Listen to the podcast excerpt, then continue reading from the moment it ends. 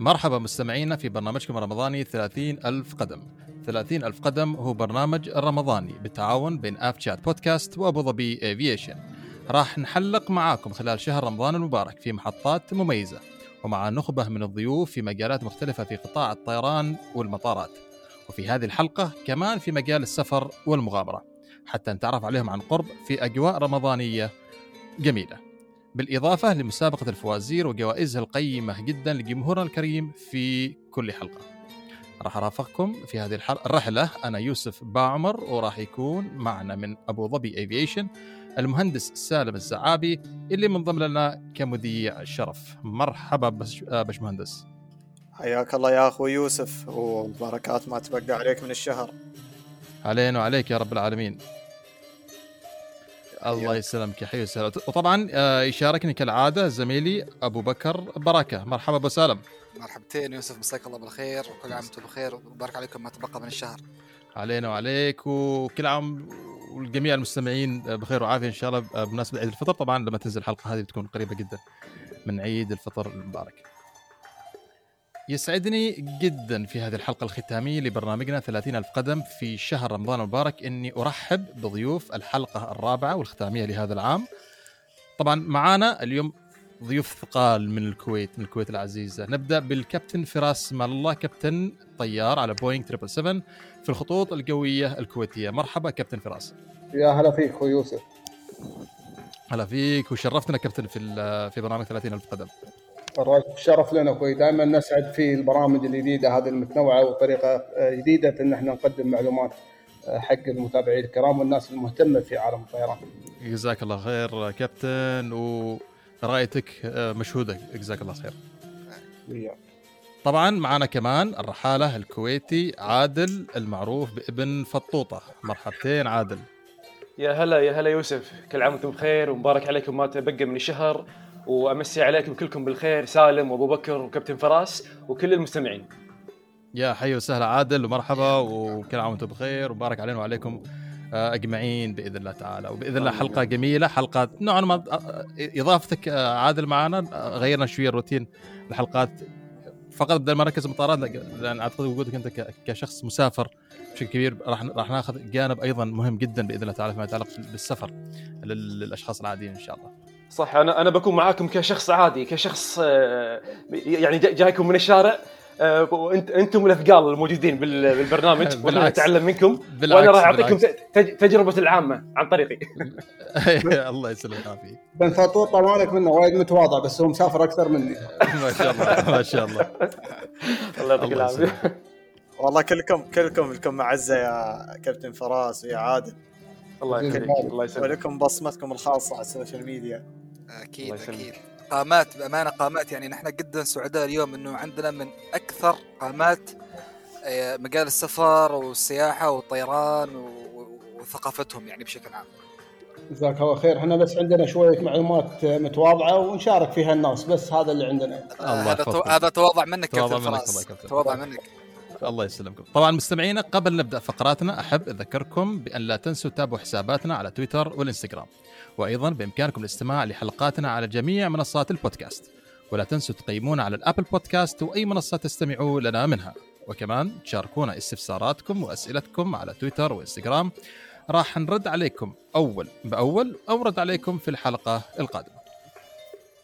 طيب كابتن فراس وابن فطوطة. ما عاد بناديك عادل أنا خلاص. اللقب. أنا ابن فطوطة. عادل. القليل يعرفوني باسم عادل. سبحان الله. طيب بداية الحلقة أخواني نحن نبدأ بالتعريف عن ضيوفنا. بالإمكان نعرف عنكم عنكم لكن أعتقد ان ان تيجي منكم أنتم بالذات يكون لها قيمة أكثر وأكثر عمق. فاذا إذا أبدأ فيك أو أبدأ معك كابتن فراس. من هو كابتن فراس؟ كيف كانت بداياتك أنت كابتن فراس في في عالم الطيران؟ أه من وين تبي أبدي تبي أبدي من دراسة الطيران. أنا دراسة الطيران عموما يعني أه كانت صدفة. ما هي شغف ولا هي حلم ولا عمري فكرت إن أنا أصير طيار. يمكن وايد وايد ناس يمكن ينصدمون من من الحقيقة هذه. شلون أنت؟ الموضوع هذا عندك صدفة. بس سبحان الله ربك يسير الأمور. ويمشيها بطريق معين. وحتى ترى بعد ما صرت طيار ما صار عندي شغف الطيران. ما كنت يعني حاب المهنة وايد. مجرد كانت عندي مهنة أكسب منها رزقي ولقمة عيشي. إلى أن بعد سنوات يمكن أكثر من عشر سنوات أول ما صرت قائد طائرة بديت أحس بالمسؤولية اللي علي. بديت أحس في أهمية الوظيفة هذه. بديت أحس في الإنجاز اللي أنا قاعد أقدمه. وشنو ممكن أسوي؟ آه، في هذا المجال. هني بديت أحب الشغلة أكثر وأكثر وبديت أدش في هذا الموضوع بعمق أكثر. سبحان الله. فعلا شيء يعني آه، الحلقة الماضية كابتن يعني اذا اذا أرجع للحلقة الماضية مع الكابتن حسن. كابتن حسن تبارك الرحمن يقول لك من كنت في المدرسة هو مخطط انه يصبح طيار. فالحين سبحان الله الفرق بينكم رغم أنكم ما شاء الله قامات في هذا المجال حاليا لكن سبحان الله كيف كانت البدايات آه، لكل واحد فيكم سبحان الله وربك هو اللي يسوق الأقدار لا الحمد لله صح صح. شوف كلنا في هذه الدنيا عندنا أهداف معينة ومخلوقين لأسباب معينة بس إحنا ما نعرفها. إحنا علينا إن إحنا خلال فترة حياتنا هذه إن إحنا نجرب ونسوي ونحاول في كل الطرق اللي نقدر عليها إلى أن نلاقي سبب وجودنا في هذه الأرض. آه. محفوظ فقط هو الشخص اللي يحاول كثير ويفشل كثير إلى أن يوصل إلى هدف وجوده في هذه الأرض ويبدأ يمسك خطه والمشوار اللي يمشي فيه. وبعدين راح تشوف نجاحه قدامه. هذا مجرد إنه هو يمشي في طريق ويتحمل الفشل اللي راح يفشله خلال هذا الطريق إلى أن يوصل حق نجاحه والهدف اللي هو موجود عشان جميل جدا جميل جدا كابتن.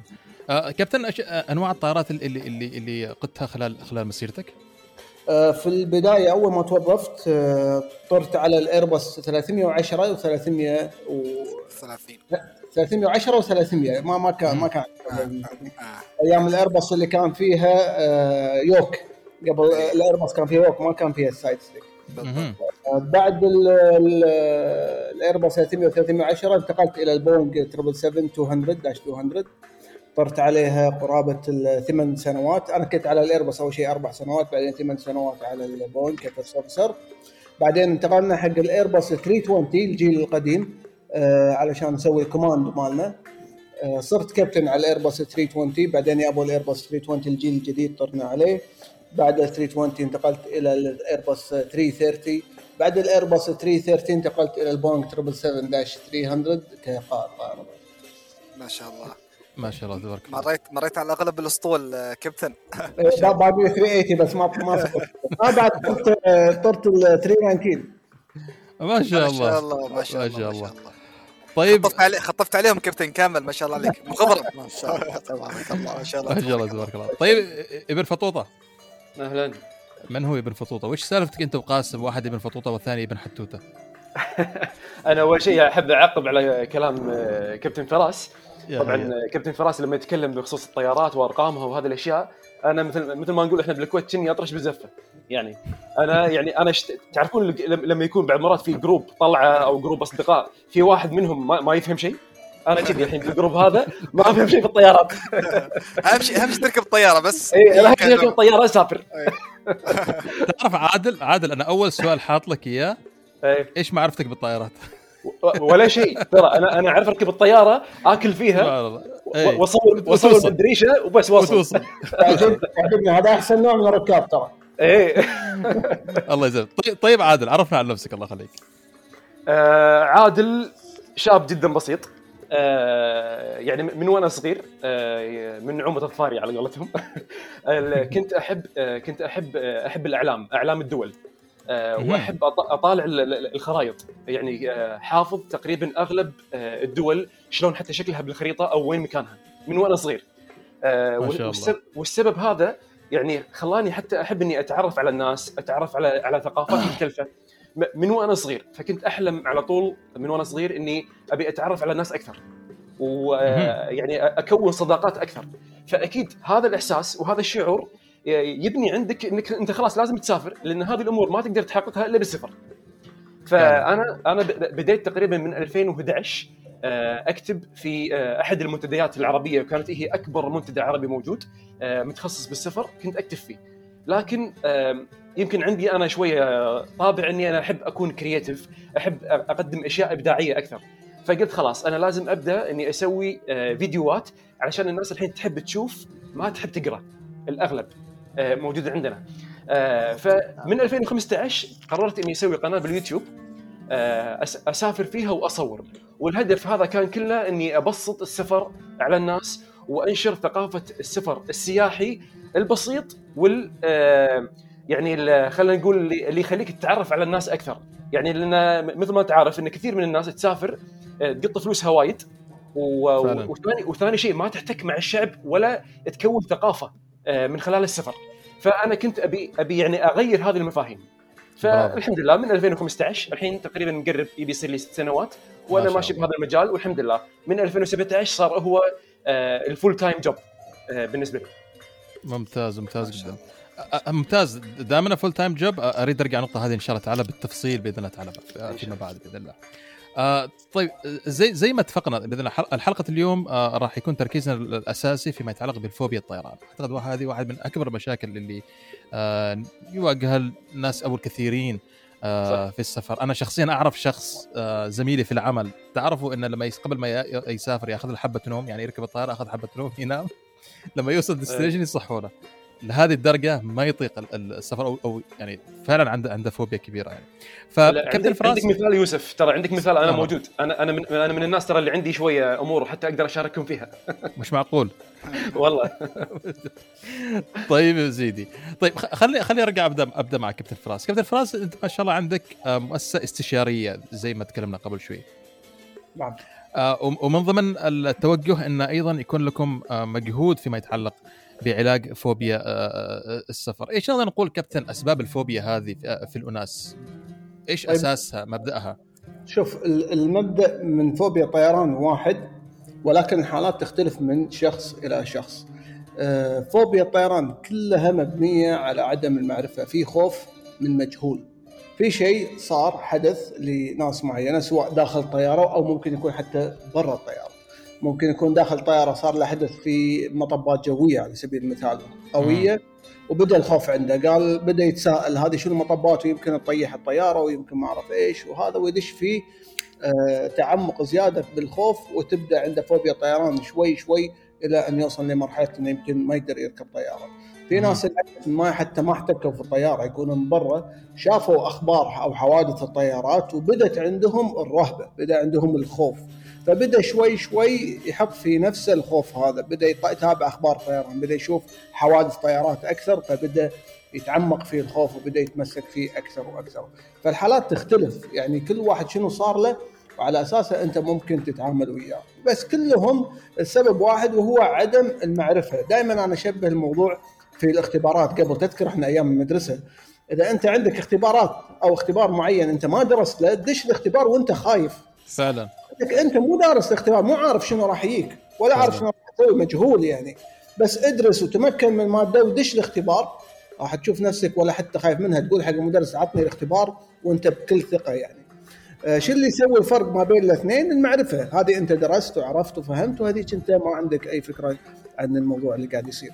فهذه ببساطة هي فوبيا الطيران جميل جدا. أعتقد فعلا الجهل هو هو المظلة الكبيرة اللي تخبي تحته الفوبيا.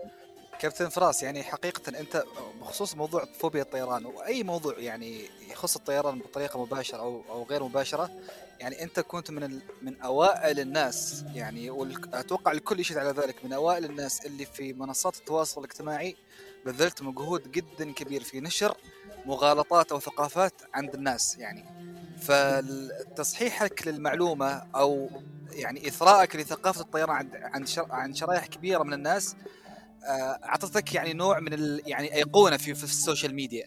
يعني إنه لما اذكر لما واحد يقول لي social media ويقول لي طيران أول شخص يجي في بالهم هو كابتن فراس. الحمد لله. حقيقه أيوه. فهذا يعني شيء مشهود عليك وبذلت مجهود جدا جدا رائع. يعني هل ممكن نقول كابتن فراس إنه من من أهم الأسباب إنك الفت كتاب اسرار عالم الطيران إنك يعني تنشر الثقافة هذه ولا كانت يعني مبتغاها آخر في نفسك شوف. ككابتن شوف آه، الهدف الأساسي كان من إني أنا أدش ال social media. عندي أهداف كثيرة ولكن الهدف الأساسي هو نقل ثقافة الطيران باللغة العربية. هذا الشيء كان شبه معدوم في ذاك الوقت. يمكن قام في السابق في منصات آه، في الإنترنت في آه، نسيت والله يسمونهم قبل. منتديات منتديات. منتديات بالضبط. كان في منتديات يمكن في السابق عن الطيران وعن غيره ولكن ما في أحد متخصص يتكلم في هذا الموضوع ومن كابينه القيادة مباشرة فيكون عند المتلقي ثقة كبيرة في الكلام اللي قاعد يسمعه.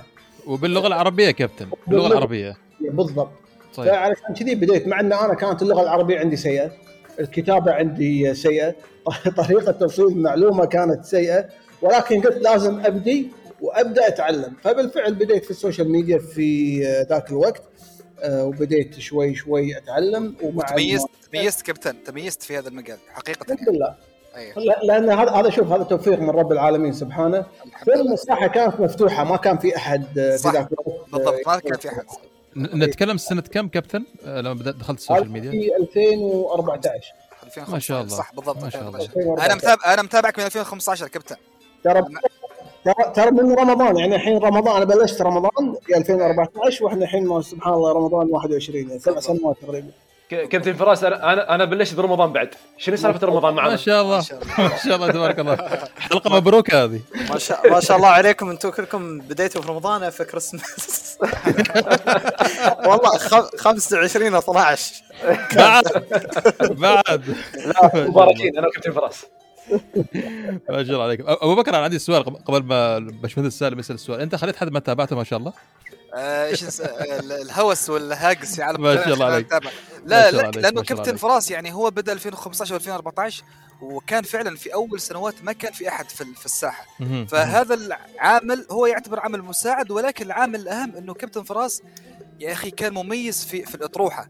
يعني طريقة الطرح وطريقة التصاميم والبوستات وحتى في الستوري لما يتكلم يتكلم بلغة جدا مبسطة لأنه هو بيتعامل مع شريحة ممكن شخص مختص وشخص مهتم وشخص غير مدرك في عالم الطيران فذكاؤه في موضوع أنه يوصل المعلومة بطريقة جدا يعني تكون خفيفة وبسيطة للمستمع هو اللي ميز يعني هو اللي يتميز فيها حقيقة عن غيره من من المؤثرين في ال social media. جزاك الله خير. أبو بكر ثلاث أشياء لازم تحرص عليها في ال social media عشان تنجح. أول شيء النية الصافية لازم نيتك أنت إنك فعلا تفيد المتابع ما تضيع وقت. أنت أنت مو داش علشان تصير مشهور. بالضبط. أنت داش عشان عندك مادة معينة تبي تلقيها للمتابعين عشان يتعلمون منها. هذا الشيء الواحد.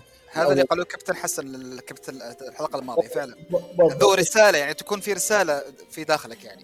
اي بالضبط بالضبط. أيه. الشيء الثاني لازم آه، تحرص على إنك أنت تبسط المعلومة خاصة في مجالنا في عالم الطيران. آه، لما تكلم طيار الطيار راح يكلمك كأنه يكلم طيار ثاني فما راح تفهم شنو يقول. بالضبط. لازم أنت تقدر تبسط المعلومة حق المتلقي يكون أي واحد أي واحد يسمع الكلام اللي أنت تقوله يفهم أنت إيش قاعد تقول. إذا ما قدرت تبسط المعلومة لهذه الدرجة فأنت فشلت في نقل المعلومة. الشيء الثالث والأخير هي الاستمرارية لازم تكون على طول مستمر. ما أنا أعطي اليوم معلومة وأقعد أسبوع 10 أيام أسبوعين بعدين أحط معلومة ثانية كذي تفقد مصداقيتك والتواصل مع المتابعين فبالتالي تصير مصدر مو غير موثوق فيه.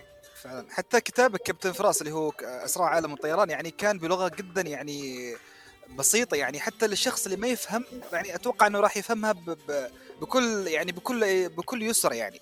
صح لأن يعني أتوقع أنك بذلت مجهود في أنك كيف تبسط يعني تخلي اللغة رشيقة لهذه الدرجة في موضوع أنك يعني أسرار أسرار عالم الطيران الأول كان هو أصلا المادة اللي أنا حطيتها في ال social media. كل الأشياء اللي في ال social media ترى أخذتها وحطيتها في كتاب أسرار عالم الطيران كل اللي سويته إني جمعت الأشياء اللي كتبتها في ال social media حطيتهم في كتاب ضبطتهم شوية عدلت شوية اللغويات سمعتهم ضفت عليهم شوية أشياء وشوية مواضيع. صار كتاب اسرار العالم الطيران الأول. ف يعني ما كان ذاك المجهود الكبير في كتابته. لأني أنا already باذل المجهود هذا في المواضيع من قبل خلال طيب. السنوات الثلاثة اللي أنا اشتغل فيها في ال social media لأن هذا في 2017 فثلاث سنوات في ال social media كل المعلومات اللي خذيتها هناك في ال social media ثلاث سنوات حطيتها في كتاب اسرار العالم الطيران الأول. ما شاء الله. ونعم الكتاب تفضل سالم. يا أه صحيح يعني على ما بزيد على كلامك أبو فهد. أه بتدخل ال social media تدخل كأنك في مهمة تدخل في ساحة ساحة كبيرة يعني عشان تنشر فيها عالم الطيران ثقافة الطيران. آه مثل ما تعرف أبو بكر في الحلقة السابقة تكلمنا إن في ناس الحين وأبو فهد يمكن توافقني وعادل توافقني في هالشيء في ناس قامت تزاحمنا في ال social media ناس ما إلها في عالم الطيران وتبدأ تفتي في أمور الطيران وتتكلم عن يعني آه عقليات آه، فتاوي أمور يعني ما ما لهم أي دخل في عالم الطيران فأنت الحين ككابتن فراس ولا كأي شخص آه، قدوة مسؤول في السوشيال ميديا هدفك إنه ومهمتك هذه توصيل المعلومه الصحيحه بطريقة مبسطة. Awesome بس الحين الحين بالسوشيال ميديا آه أنت تقول السوشيال ميديا ساحة أنا دائما أشبه السوشيال ميديا بالفضاء يعني الكرة الأرضية في لها limit معروف حدود الكرة الأرضية من هنا لهني السوشيال ميديا مثل الفضاء مفتوح عالم مفتوح ما تدري وين ممكن توصل فيه. آه شيء ثاني صح كلامك. كل من قام يدش ويفتي ويتكلم. ولكن السوشيال ميديا الحين صارت الناس واعية. انت من تبدأ تتكلم موضوع انت مو متخصص فيه وتخورها راح يجيك واحد مختص ويعطيك صاروخ ويطشرك وما تسوى عليك في انك انت تكلمت في هذا الموضوع. إيه، صحيح. آه، حدثت وياي تو أنا يعني ما كنت متعمد صراحة لكن شفت في واحدة من الجرايد عندنا حاطين شباب يتكلمون وواحد منهم قط معلومة المعلومة كانت غلط في كل نواحيها. هي الأكل صح؟ موضوع الأكل. بالضبط عقبت عليه بالحساب. وصل حق واحد من ربعي واحد من ربعي كلمني وقال لي ترى هو مطلع المعلومة من البي بي سي وما أعرف إيش. قلت له جيب المعلومة. يابها ولا كلها غلط طبعا لا هي صحيحة ولا شيء فهو بس تحمس وقفها فيعني مهما انت مهما تتفلسف بالسوشيال ميديا في ناس راح تمسكك وتصيدك يعني.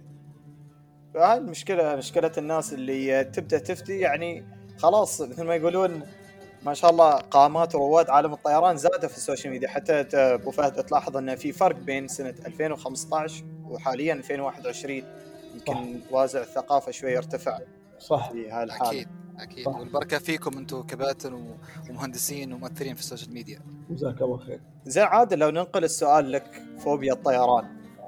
هل كان أي. عندك فوبيا في الطيران؟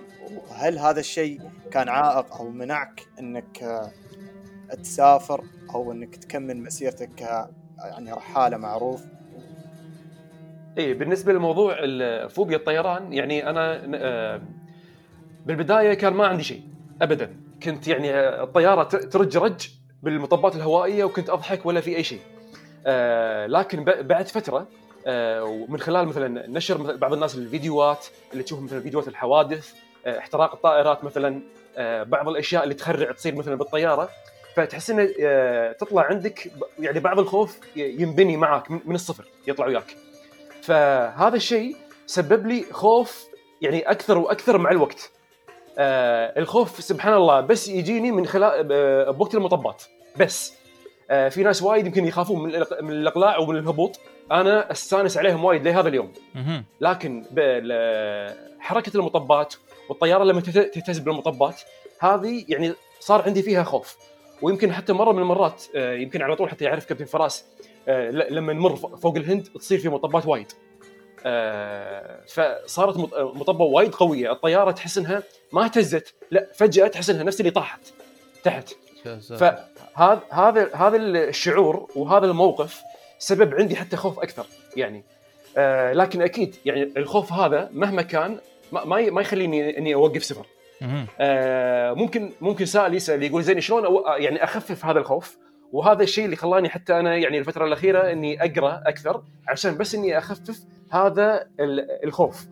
آه من خلال من خلال إنك تتثقف آه بسلامة الطيران تتثقف إن حتى أعداد الحوادث كم تكون مقارنة مع مع حوادث السيارات.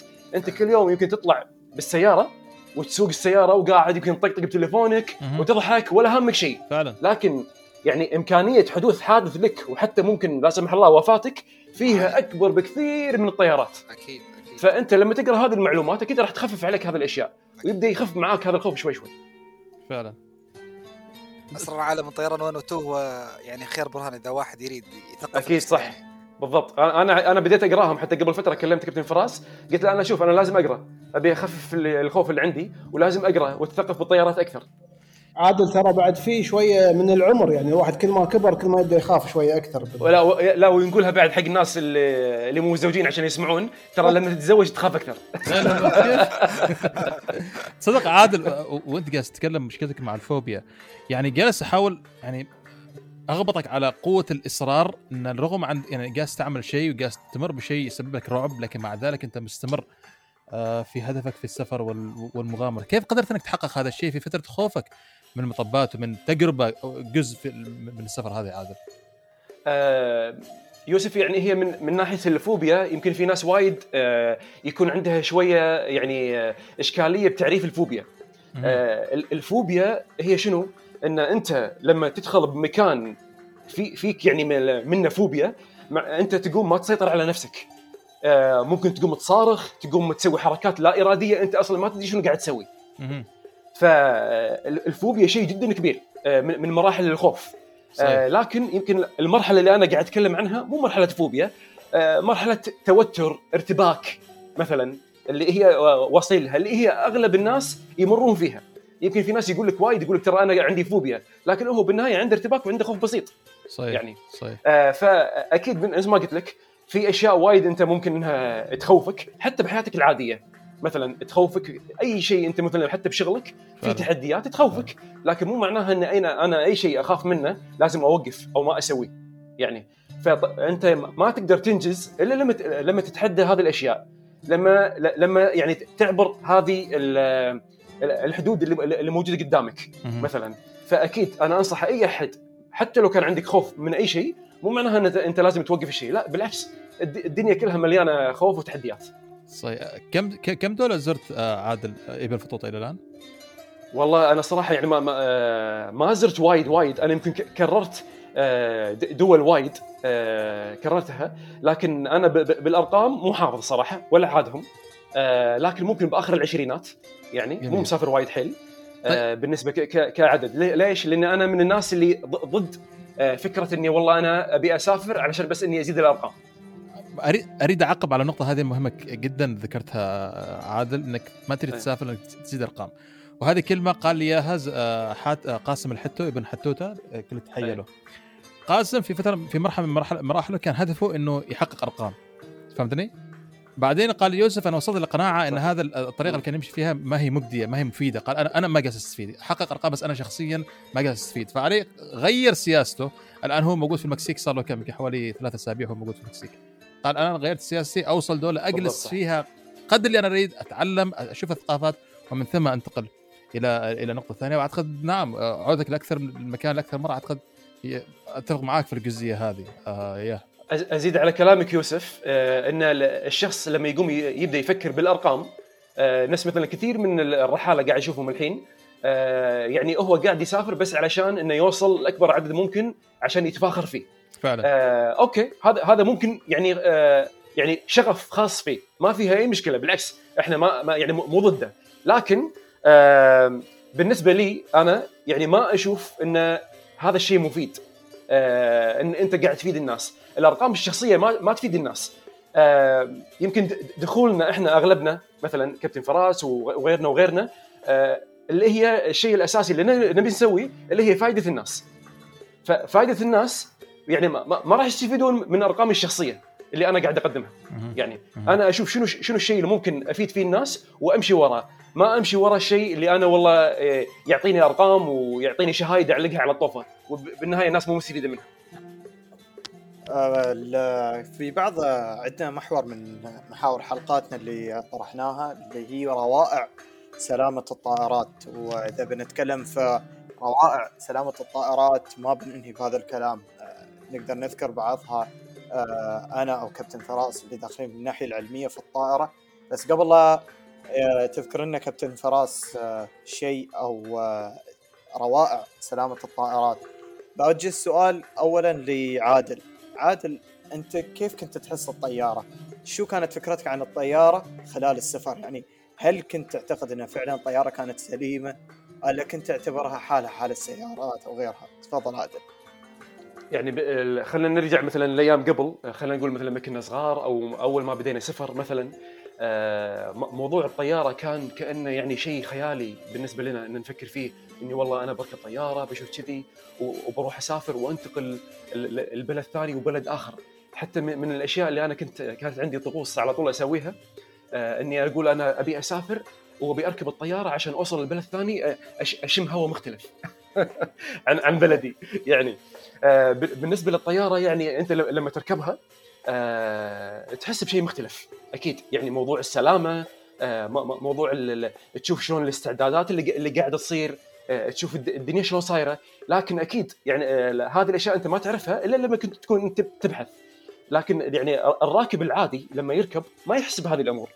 ما يحس إنه يعني في في في أشياء بلاوي قاعدة تصير داخل في تجهيزات بلاوي قاعدة تصير. برج المراقبة قاعد يخطط تخطيط بشيء يعني ما يعلم فيه إلا الله. يعني هذه الأشياء كلها يعني أغلب الناس قاعدين يجهلونها. آه، أنا أشوف يعني لو, لو يصير في فيديو آه، مثلا وما أدري صراحة إذا هذا موجود ولا لا انه في فيديو آه، يطلع وينزل إنه يكون في لقطات مشتركة بين الطيار وبين حتى شو اسمه مثلا الركاب وبين المضيفين مع برج المراقبة ومع الناس حتى اللي يتكلم معاهم وتطلع الفيديوهات مختلفة. يشوف لما يشوف شلون الاستعدادات من من ألف إلى الياء. آه ممكن آه كابتن فراس يمكن سوى فيديو قبل على هذه الأشياء لكن الفيديو كان بس عنده هو. فأنا الصراحة ودي أشوف حلقات أو برنامج يعطيني التجربة من الألف إلى الياء عشان إحنا نشوف هذه الأشياء البلاوي اللي قاعدة تصير من ورانا وإحنا يعني غافلين عنها. آه عادل. عادل اسمع اسمع آه أوكي. آه النقطة اللي ذكرتها ترى أسكر وأنا قاعد أضحك لأن أنا وسالم كنا نتناقش في الموضوع هذا. الحلقة الثانية من برنامج 30000 قدم إذا إذا حصل فرصة اسمع الحلقة هذه. وأيضا سالم راح يجهز مقاطع وإن شاء الله راح تنشر في حسابه. فيها ما شاء الله. الشيء اللي قاعد تسأل عنه هذا مسوينه نحن في في الحلقة هذه. بس يعني خلاص راح نشوفها يعني. اي إن شاء الله جاهز بإذن الله. أعتقد آه، سالم بطريقه بطريقه مبسطة بطريقه مبسطة. تسمعها عادل ما راح تشوفها. تسمعها. ليش؟ بس اسمعها بس. هو يقول بيسوي فيديو. لا بوست على الانستغرام. يعني هو والله. ما نعرف سالم كيف بيضبطها بس هو هي هي جزء من الحلقة. يعني مقطع بياخذ من الحلقة بيجهزه إن شاء الله تعالى. إن شاء الله والله يا كابتن فراس لو عندنا راعي وعندنا منظومة شي يعني نقدر نسوي مشهد تمثيلي بسيط. إي والله. والله سالم بالخليج كل شيء ممنوع عندنا أنت عارف الوضع يعني. إيه صحيح صحيح. زين لو بننقل السؤال لك يا كابتن فراس شو أحلى شيء أنت في مسيرتك شفته في سلامة الطائرات؟ أو مثلا تقدر تعطينا جهاز أو منظومة آه، خاصة بسلامة الطائرات اللي يعني تجيب الراحة للراكب خلال سفره؟ شوف شوف أنا قبل كنت طبعا حالي حال أي طيار ثاني أشوف الطيارة مثل ما أنا أشوفها. بس بالنسبة حق الراكب الراكب يجي المطار ولما يوصل عند البوابة والبوابة فيها الجام يشوف هالطيارة الكبيرة الرهيبة.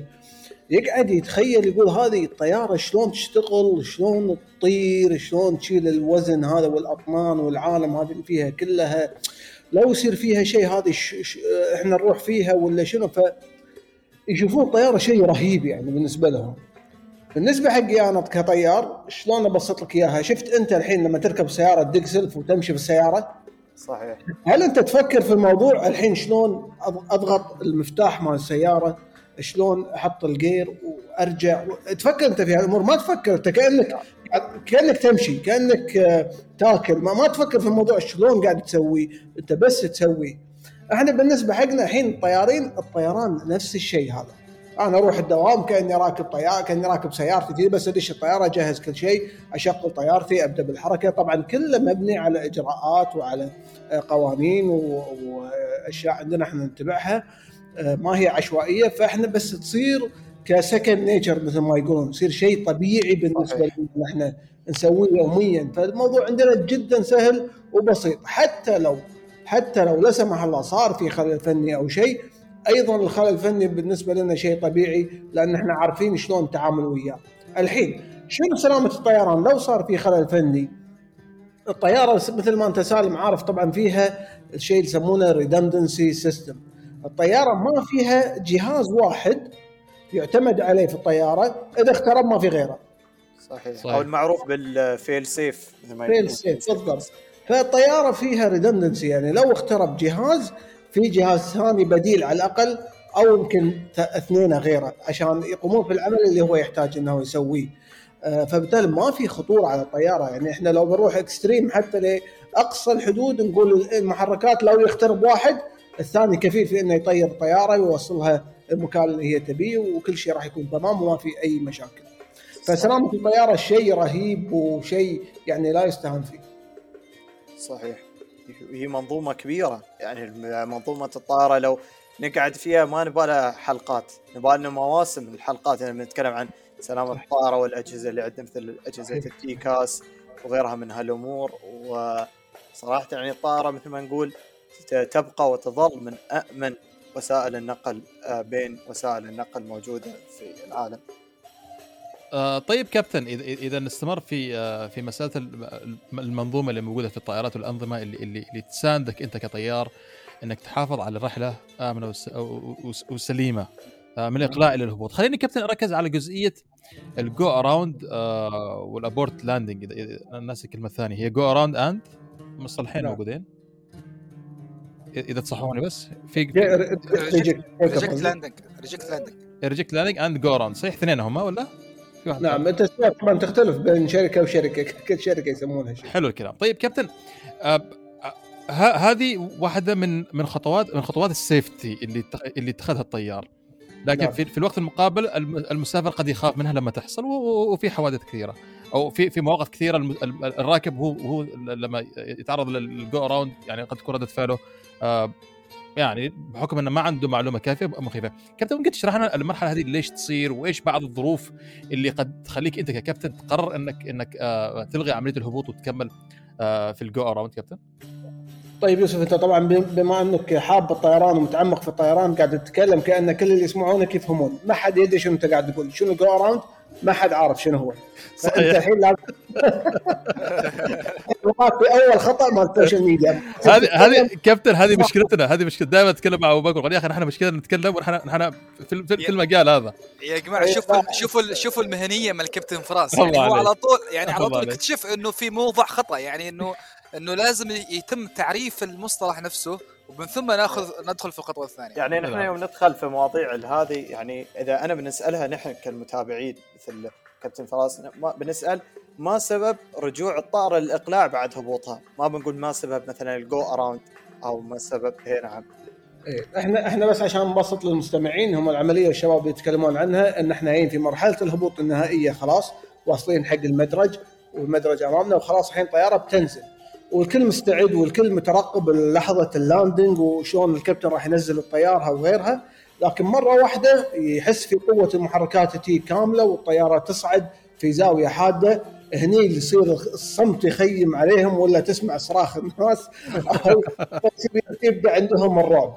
آه خلينا نغطي كذا موضوع خلينا نغطي ليش تصير الحالة هذه وخلينا نغطي ليش الكابتن ما يكلمهم يعطيهم اندار في إن إحنا والله يلا الحين إحنا راح آه ترى يصير هالشيء فلا تخافون خليكم ويانا وبعدين راح نرجع مرة ثانية ويمكن ليش ما يكلمهم على ما يرجع مرة ثانية وينزل ويقول لهم شنو صار وينزل. آه الحين أسباب عدم عملية آه الهبوط، ليش الطيار لما يجي وقت الهبوط ما ينزل ويطلع مرة ثانية؟ أسباب ما لها حدود. خلونا أعطيكم من أبسط شيء. أبسط شيء ممكن يكون في طيارة أمامنا لأن أنت مثل ما أنتم عارفين في المطارات المزدحمه على سبيل المثال الطيارات يجون تدريجيا خلف بعض ما بينهم مسافة آمنة. يكون واحد من الطيارات اللي قدامنا أو الطيارة اللي قدامنا نزل ولكن لا زال في المدرج ما طلع من المدرج. غير مسموح لي أنا أنزل طيارتي والطيارة اللي قدام لا زالت في المدرج لازم يطلع بالكامل وبعدين أنا أنزل. بعض الطيارين ونادر جدا يتأخرون في المدرج في عملية الخروج. تلاقي طاف اللفة المفروض يطلع منها فمضطر إنه يكمل لآخر المدرج عشان يطلع فهذا ياخذ وقت زيادة. أكون وصلت لمسافة قريبة ما تسمح إني أهبط فهني لازم أرد أطلع. ممكن في بعض البلدان آه، عزكم الله في آه، حيوانات في في في المطار يكون المطار مفتوح فتلاقي عزكم الله كلب داش المدرج. أنا ما أقدر أنزل وأدعم الكلب في المدرج هذا يدش المحرك يمكن يكسر شيء عندي في الطيارة يخرب شيء فلازم أنا أطلع وأروح. ممكن يكون آه، خلل فني. صار عندي خلل فني خلال مرحلة الهبوط. لازم أسوي إجراءات معينة قبل لا أنزل. ليش؟ لأنه ممكن تكون مسافة الهبوط أو مسافة المدرج غير آمنة. خلينا نقول خلل في مكابح الطيارة على سبيل المثال. لأن إحنا في طيارة وهذه كمبيوترات وهذا قد يصير في شيء فيمكن يصير في خلل في مكابح الطيارة. ما أقدر أنزل راح تكون مسافة غير آمنة فلازم أطلع أتأكد إن هذا الخلل ممكن أصلحه أو لا. إذا ما قدرت أشيك على المسافة مالت المدرج هل هي كافية ولا لا إني أنزل فيه.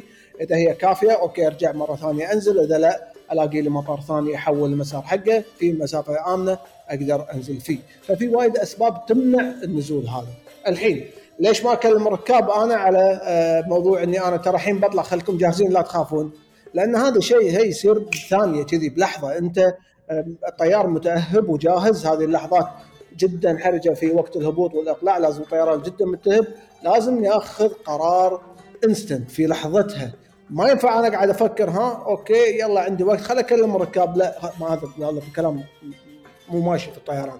لازم أطلع وأتخذ القرار مباشرة وأسوي الإجراء المطلوب مني وأكون مركز مع الطيارة مع برج المراقبة ومع الطيارات اللي حواليني أعرف كل شيء صاير. آخر همي في اني أنا أكلم الركاب في الوقت الحالي. بعد ما أطلع بعد ما أرجع ال flaps أرجع لأن أنا أكون مجهز الطيارة في أشياء كثيرة لازم أبدأ أشيلها لأن أنا مجهزها حق الهبوط. الحين طلعت مرة ثانية كأني في عملية إقلاع. فلما أخلص كل الإجراءات هذه وعندي وقت يسمح لي الوقت إن أنا أكلم ركاب أكلمهم واشرح لهم شو صار وأقول لهم نحن راجعين الحين نرجع مرة ثانية. لكن في أوقات يقول لك برج المراقبه لا أه والله أنت كان في أه عزكم الله كلب في المدرج.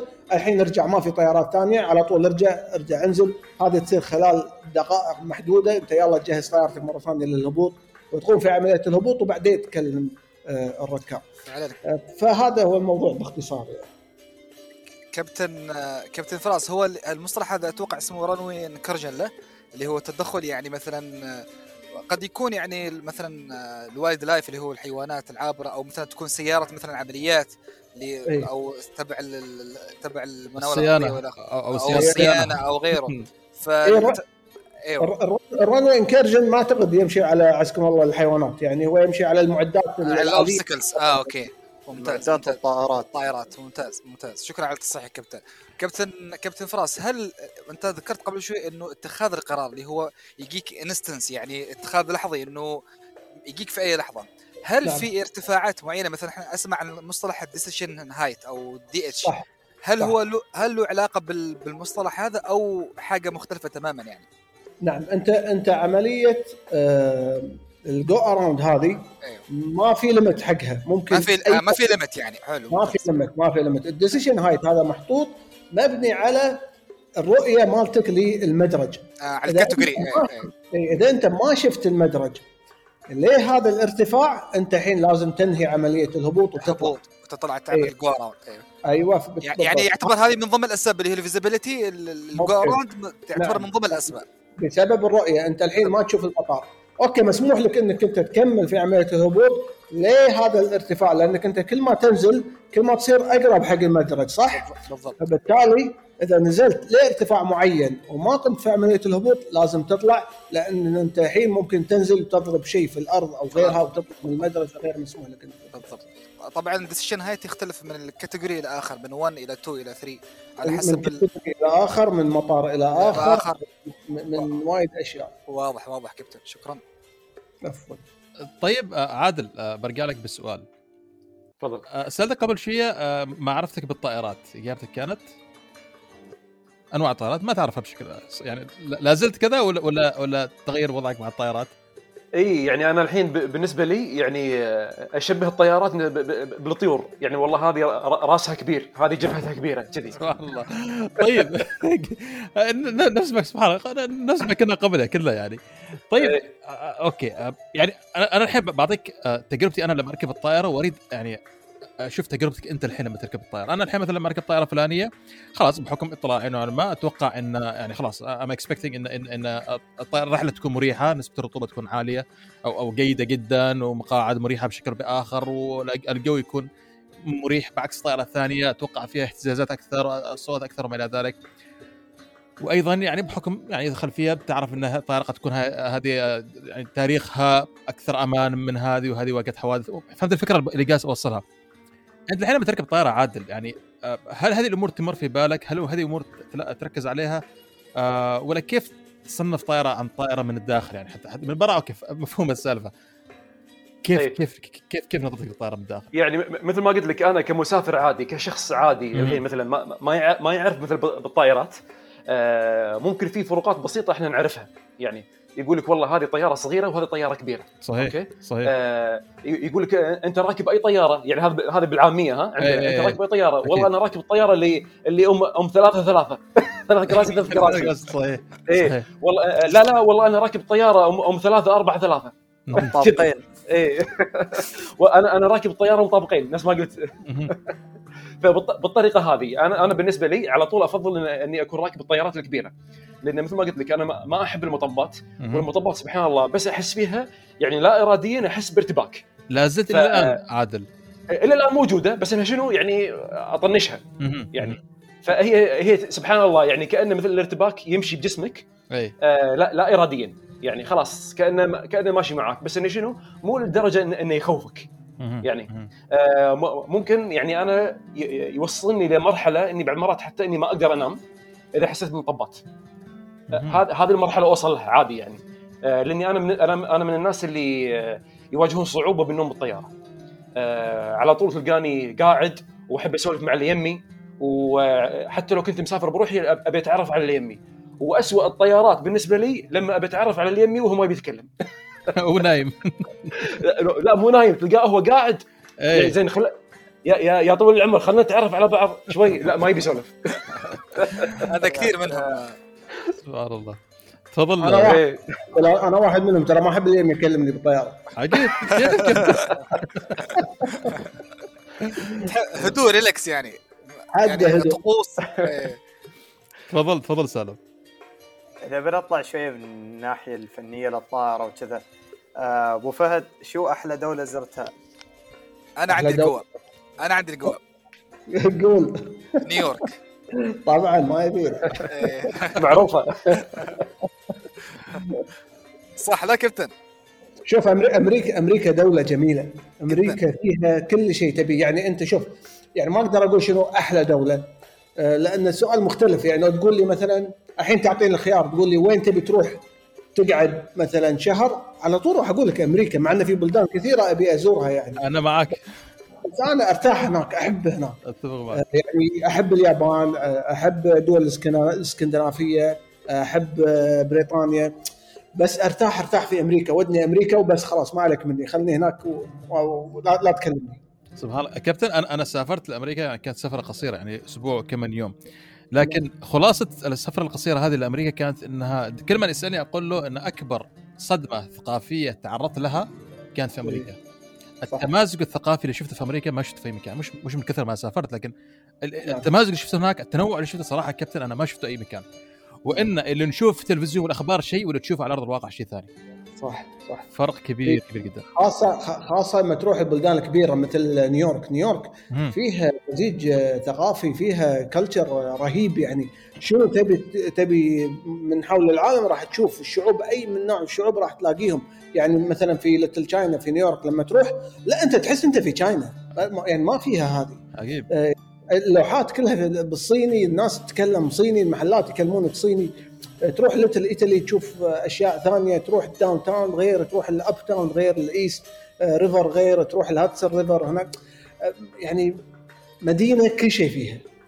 فعلا. عجيب حتى عجيب. في مقولة يعني كابتن فراس دائما يعني دائما يناشد فيها إنه the city that never sleeps يعني. never sleeps إي والله وهي فعلا المدينة التي لا تنام يعني. وأتوقع إنه أغلب المهتمين في الطيران وفي عالم السفر والسياحة يت- يتمنى إنه يزور أمريكا. ولا إيش رأيك آه، عادل؟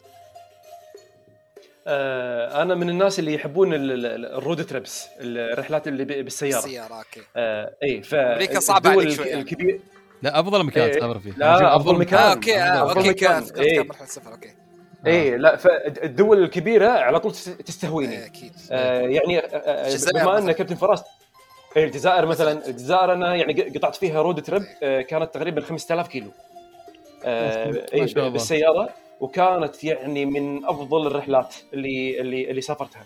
آه، بما بما أن كابتن ف- فراس تكلم على أمريكا خلينا نتكلم على يعني العكس. خلينا نتكلم على روسيا. روسيا بعد روسيا بعد إيه. حلوة جميلة جدا. رو- رو- روسيا أكبر بلد بالعالم. و... وتكلمتوا على الصدمات الثقافية. يعني أنا ممكن من الصدمات اللي صارت لي اللي هي لما رحت روسيا هناك. ممكن ال- ال- الإعلام كان على طول آه، يشوه صورة روسيا أو صورة الروسيين ويظهرهم كأنهم مافيا مثلا والله تروح تروح هناك يقتلونك وهذه الأشياء. هذه الأشياء ولا شفناها ابدا آه، في روسيا هناك. أنا رحت روسيا ثلاث مرات من أمتع الدول ومن أكثر الدول تنوع آه، في روسيا هناك. والشعب على طول الناس تخاف منه بسبب ال- الإعلام. صحيح. الشعب جد الشعب جدا حبيب. صحيح. حبيب لا- لابعد حد. سبحان الله. ممكن السلبية الوحيدة اللي اللي اللي تخليك شوية ما ما ما, ما تترابط معاهم اللي اللي هو موضوع اللغة. آه، حتى لما تيجي تكلم تكلمهم مثلا تبي تستشيرهم مثلا تبي تسألهم على مكان تبي تقول لهم كذي أغلبهم ما ما يعرفون يتكلمون إنجليزي. فلما يع... لما يشوف إنه ما يقدر يرد عليك وجهه يحمر. كلهم. يعني حريمهم ورجالهم. نفس نفس الشيء.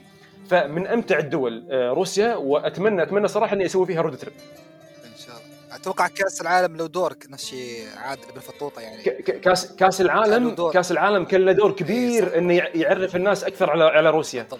أنا سويت استفتاء آه، آه، بوقت كأس العالم سويت استفتاء. تخيل النتيجة 100% 100% الكل مصدوم. ما في واحد قال لا والله ما حبيتها. فعلا. الكل مصدوم والكل حابها. حتى حتى معدل السياحة بعد كأس العالم زاد عندهم بطريقة كبيرة يعني. جدا حتى هم انفتحوا أكثر. هم فتحوا أكثر. هم انفتحوا أكثر على قالوا لا يبغى خلاص. صح. إحنا شفنا شفنا السياحة شلون مشت معانا والناس كلهم حبونا فحتى سهلوا الفيزا والسفر بعد بعد كأس العالم. عجيب. أنا قبل ما أنتقل للسالم عادل أريد أعقب على نقطة ذكرت أنت لما قبل ما تروح لروسيا كيف كانت تخوف. تصدقوا شباب أنا أنا لما وصلت أمريكا لأول مرة لما كنت خلاص يعني نزلنا من الطياره رايحين الجوازات يعني كثر ما إني كنت متوتر متخيل يشوفوني عربي آه، شرطات على شلو السقف لهذه الدرجة كنت أعصابي. يعني مروري بالجوازات في مطار سان دييغو كان يمكن من أسهل مرور نقطة جوازات في حياتي كلها. كثر ما المسألة مشت بسلاسة جدا. يعني فعلا كانت هي طبعا بداية الصدمات اللي تلاحقت خلال الفترة اللي جلست فيها. وطبعا الآن صارت أمريكا من الدول اللي أريد أرجع لها للأمانة. أه تفضل سلام. عندي سؤال حق عادل. أه سؤال هذا. جدا. يعني أنا حاب أعرف إجابته. شو هي مهمة ابن فطوطة؟ نبغى نعرف شو هي مهمتك أه هل لتقديم مثلا الأماكن السياحية؟ هل لتسهيل الناس عليهم بالسفر باقتراح الفنادق باقتراح الأماكن باقتراح النصائح مثلا شو اللي تسوونه وشو اللي ما تسوونه؟ نبغى نعرف ابن فطوطة شو مهمته. يوم أنت تمسك الكاميرا وتصور رحلاتك نبغى نعرف المهمة الأساسية لابن فطوطة. أه سؤال جدا جميل ويعني هذا يعني ودك حتى إنك تسأله حق كل الناس المشاهير عشان حتى تعرف هم شنو أهدافهم أو هو شنو تفكيره وشنو شنو حاب يوصل. آه أنا أنا بالنسبة لي يعني أكيد موضوع ان إن أنت تغطي الأماكن السياحية وإن أنت تفهم مثلا آه الناس وين يروحون، شنو يسوون، كم يصرفون، هذا هذه أشياء بسيطة ممكن الأغلب يقدر يسويها، لكن في في هدف أسمى، هدف جدا كبير. يعني إحنا مثلا الناس ال influencer مثلا الناس الرحالة، الناس المشهورين، كلنا ترى عندنا مسؤولية اجتماعية. صح. آه أنا بالنسبة لي أشوف الهدف الأسمى والهدف الكبير ومسؤوليتي الاجتماعية اللي هي تقريب الشعوب على بعض. آه أحب أحب أسافر اي أحب أسافر أحب أوري الشعب هناك أحتك معاهم أوري الكرم أوري الطيب أنا بالنسبة لي وعندي اقتناع إن كل الشعوب فيها خير جميل. كل الشعوب فيها خير أنا هذا هذا اللي أشوفه ممكن الأشياء اللي والله تسمعها هذا في هني, هني نصب في هني مثلا والله ما شلون صايرة هذا هني في أمور ما شنو هذه موجودة بكل مكان. صح. ممكن والله النسبة ممكن تزيد بهذا البلد وتنقص بهذا البلد هذا شيء جدا طبيعي. صح. يعني لكن تقريب الشعوب وإنك توري الناس وتحتك معاهم وتوري الناس شلون عايشة سواء مثلا ناس مثلا عايشة في فقر محتاجين أشياء ناس مثلا والله عليهم فكرة مغلوطة مثلا خلينا نقول مثلا على سبيل المثال مثلا الجزائر عليهم فكرة مغلوطة إنهم شعب عصبي وشعب يطقك مثلا. فهذه الأشياء الناس شافوها لا والله هذا كلها أشياء مجرد سمعة ما لها أي معنى يعني. فأنا هدفي الكبير واللي أحب أوصله إني أقرب الشعوب بين بعض. حتى بين قوس حتى بين قوسين عادل أنت كنت يعني ذكي في تقريبا الشعوب العربية بين قوسين يعني. أنت كنت بالضبط. يعني أيوه يعني اجتهادك الكبير كان انك كيف الشعوب العربية تبرز صح تبرز الهوية للشعوب العربية بطريقة جدا حلوة. والجزائر كانت خير مثال. أنا من الدول اللي حطيت الجزائر من ضمن خططي اللي أسافر لها منك أنت. أنت كنت السبب. الحمد لله. عادل أنت كنت السبب فعلا. إنه الجزائر يعني ما كانت تخطر في البال.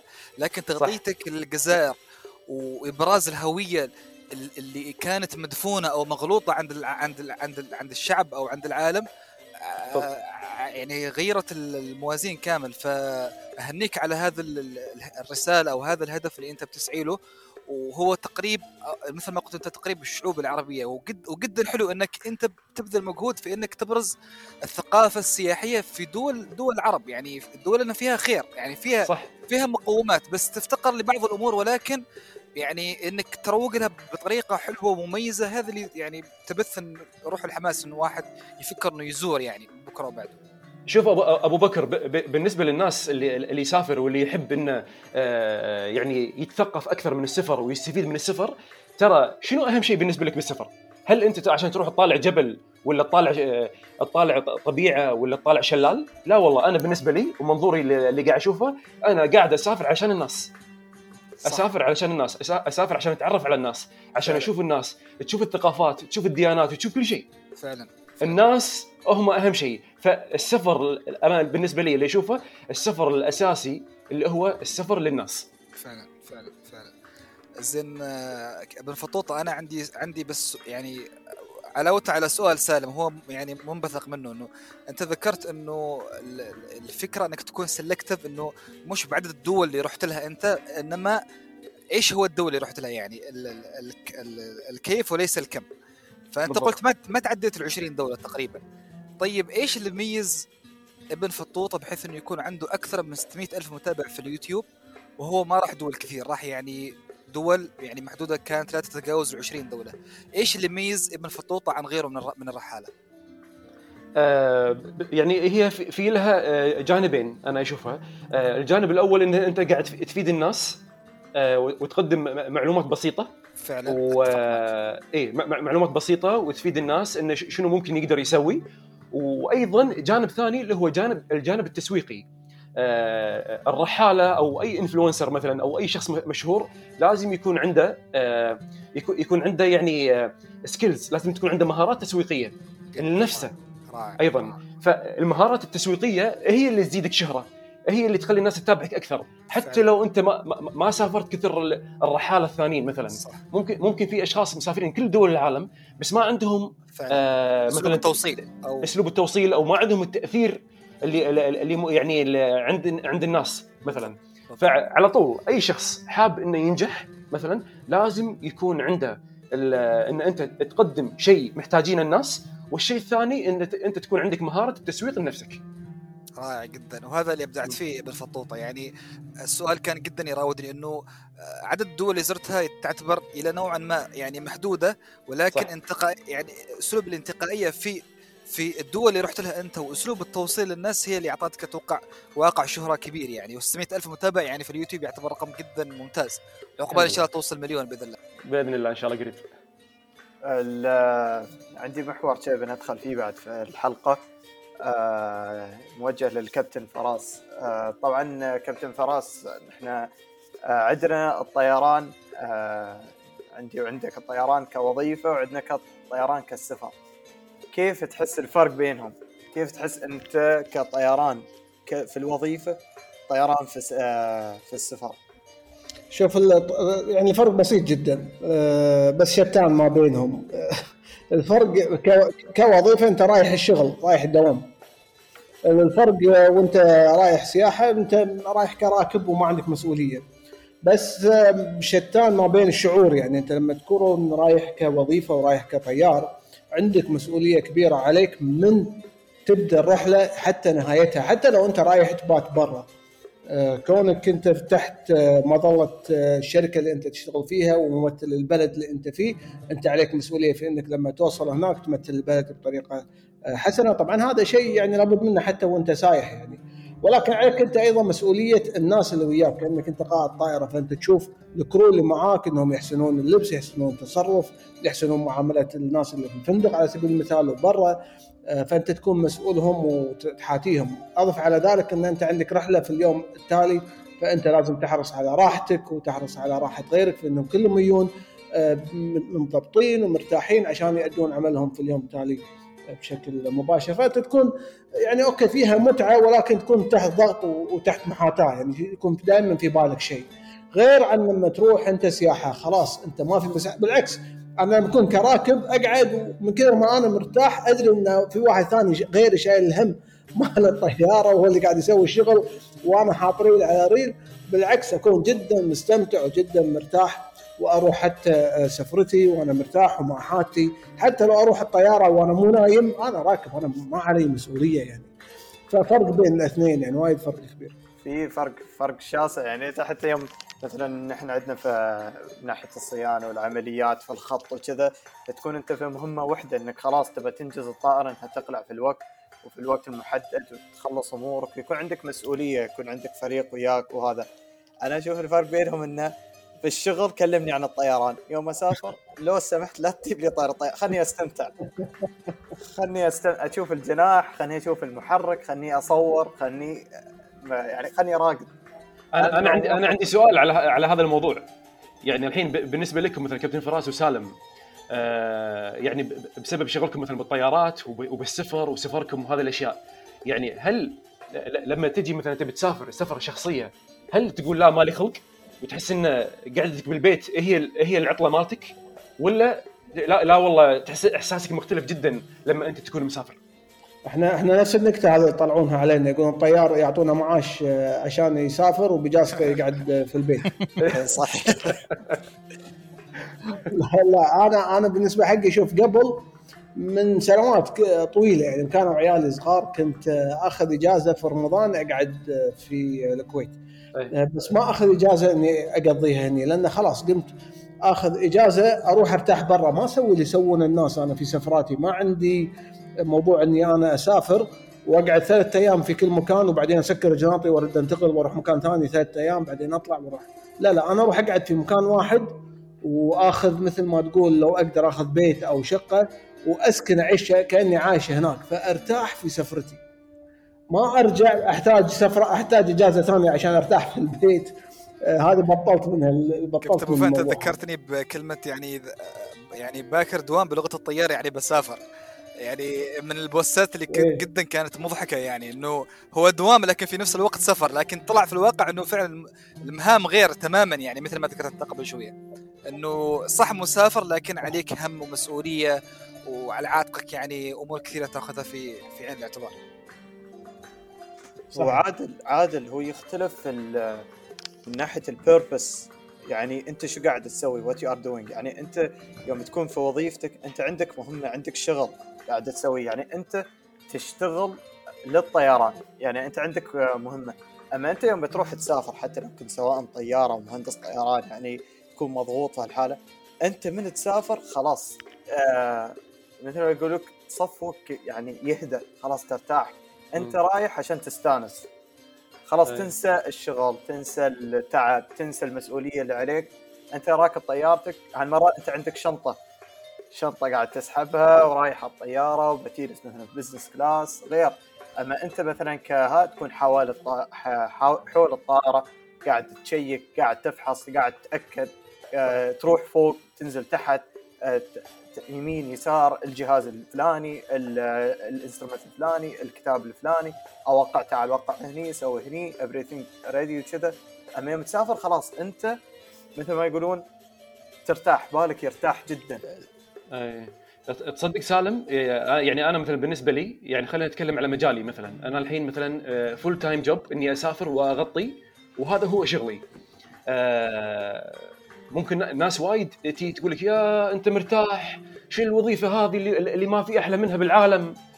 شي الله شلون رزقك الله هم ما يدرون بالخفايا اللي صايرة. يعني أنت لما تسافر شنو قاعد تسوي؟ آه، صدقني أنا بعض المرات يعني توصل فيني مرحلة خصوصا إذا إذا كان ال project جدا كبير آه، بالنسبة حق مثلا آه، بالسفر وأنت مسافر توصل للمرحلة تقول يا أخي ودي إن الرحلة تتأجل. مثلا. ليه ليه هالدرجة؟ يعني فالموضوع الموضوع مو نفس ما إن الناس تشوفها إذا أنت مسافر معناها ان أنت مستمتع مثلا. في أشياء كبيرة أنت ممكن أنت قاعد تسويها. في أشياء ممكن أنت حتى ممكن عندك اختلافات حتى مع مع الجهات اللي أنت شغال معاها. فموضوع السفر حتى أنا بعض المرات ممكن ودي أسافر. آه، أقول له خلاص هالمرة هذه أنا بسافر علشان بس إني ما أبي شو اسمه ما ابي آه، ما ابي أصور أو ما ابي أشتغل. لكن سبحان الله خلاص صار بدمك إن أنت لما تروح هناك لازم تصور. فتحس إنه تقول يا أخي متى أقدر أسافر وأنا ما أبي أصور؟ فصار الموضوع تحس إنه فيه صعوبة شوية. طيب آه كابتن فراس إذا إذا تسمح لي بس آه، عندي سؤال واحد أو سؤالين خليني أسألك على السريع بعدين آه يعني عندك التزام ضروري أو وتريد تمشي كابتن. إذا إذا تسمح لي بس سؤالين على السريع الله يخليك. الله يسلمك. كابتن آه آه كونك كابتن طائرة إيش هي مهامك وصلاحياتك آه، في الطائرة هذه؟ لا هذا يبي لنا برنامج ثاني عشان نتكلم فيه بس. طيب طيب. يلا دام كذا أستغل فرصة وعدنا مقابلة مع اف شات بودكاست إن شاء الله. لا أنا أعطيك إياها بشكل مختصر. المهم طيب. الكابتن هي بسيطة إنك أنت تنقل الراكب من ألف إلى باء بأمان فقط لا غير. هذه مهمة الكابتن. أما بالنسبة حق الصلاحيات أنت لك صلاحيات آه، في آه، حدود العمل وصلاحيات تحتم عليك سلامة الراكب وأيضا راحته بنفس الوقت.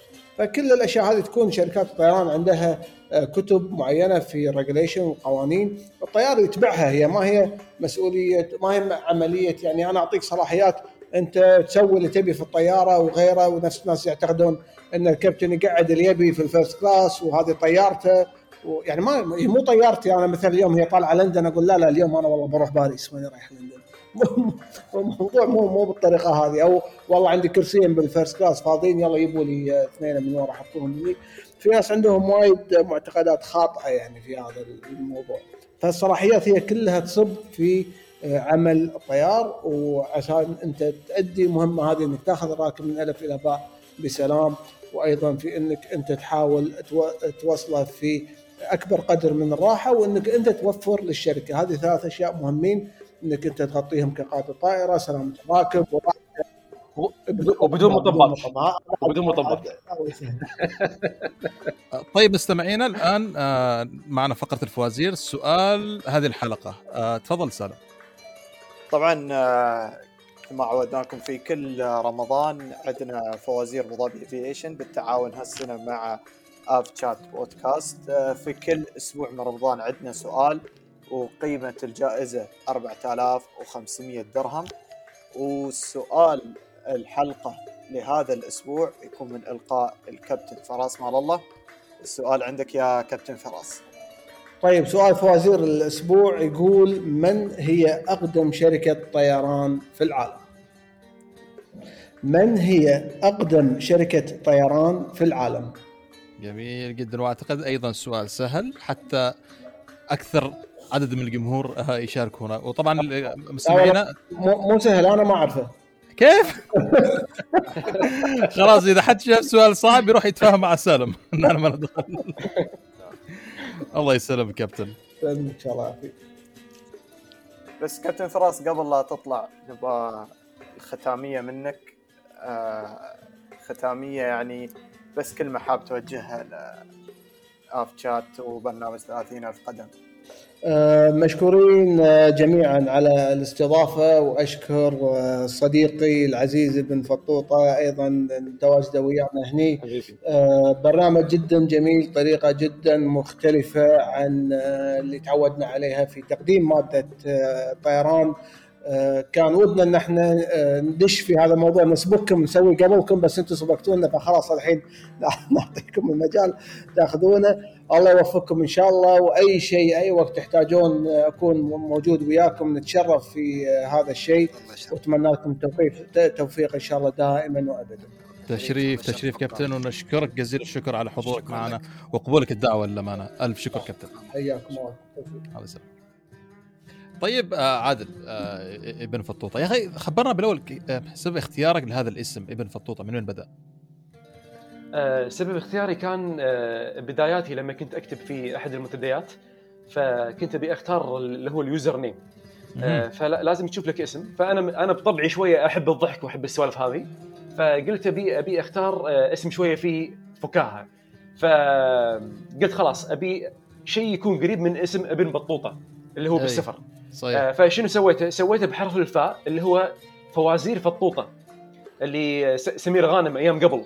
okay. اللي هو اي اللي هو القصير القزم وتكرم جوتية كبير رجل كبيرة. أي أي فحطيت يعني دمجت الاسمين تقريبا مع بعض. ابن فطوطة ومشى سبحان الله. ولا كنت ابدا حاطط ببالي إن هذا الاسم راح أستخدمه بعدين بال social media وإنه ينشهر. ابدا. سبحان الله. سبحان الله. طيب آه، آه، عادل أنت في في آه، في في, في الحلقة في البداية ذكرت إنك أنت قررت إن السفر يكون هو مصدر دخلك الرئيسي أو زي ما يقول full time job بالإنجليزي.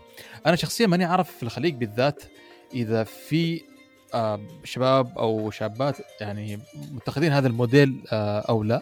قد تكون انت بالنسبة لي أول شخص أنا أتعرف عليه في الخليج بالذات اللي اللي, اللي دخله معتمد على السفر. كيف كيف قررت إنك تاخذ الخطوة هذه عادل؟ إنك تترك وظيفة إذا كنت موظف مثلا أو إنك ما عاد تبحث عن وظيفة إذا كنت باحث عن عمل وتعتمد على السفر في الدخل آه، عادل آه شوف هو بالبداية يعني في الحين عدة أشخاص بالخليج آه يعني متخذين هذه هذه يعني كوظيفة. اللي هي مثلا إنه يكون رحالة كوظيفة. يعني آه أنا ابدا ما كنت ما كنت في بالي يعني قبل حتى أول ما بديت ما كان في بالي إنه ممكن أنا أكون يعني full time job بهذا الشيء. لكن سبحان الله يعني الأشياء تتغير مع الوقت. آه وحلو إن الواحد يعني وهذا يعني الحمد لله فضل من الله إن الواحد يشتغل بشيء وهو يحبه.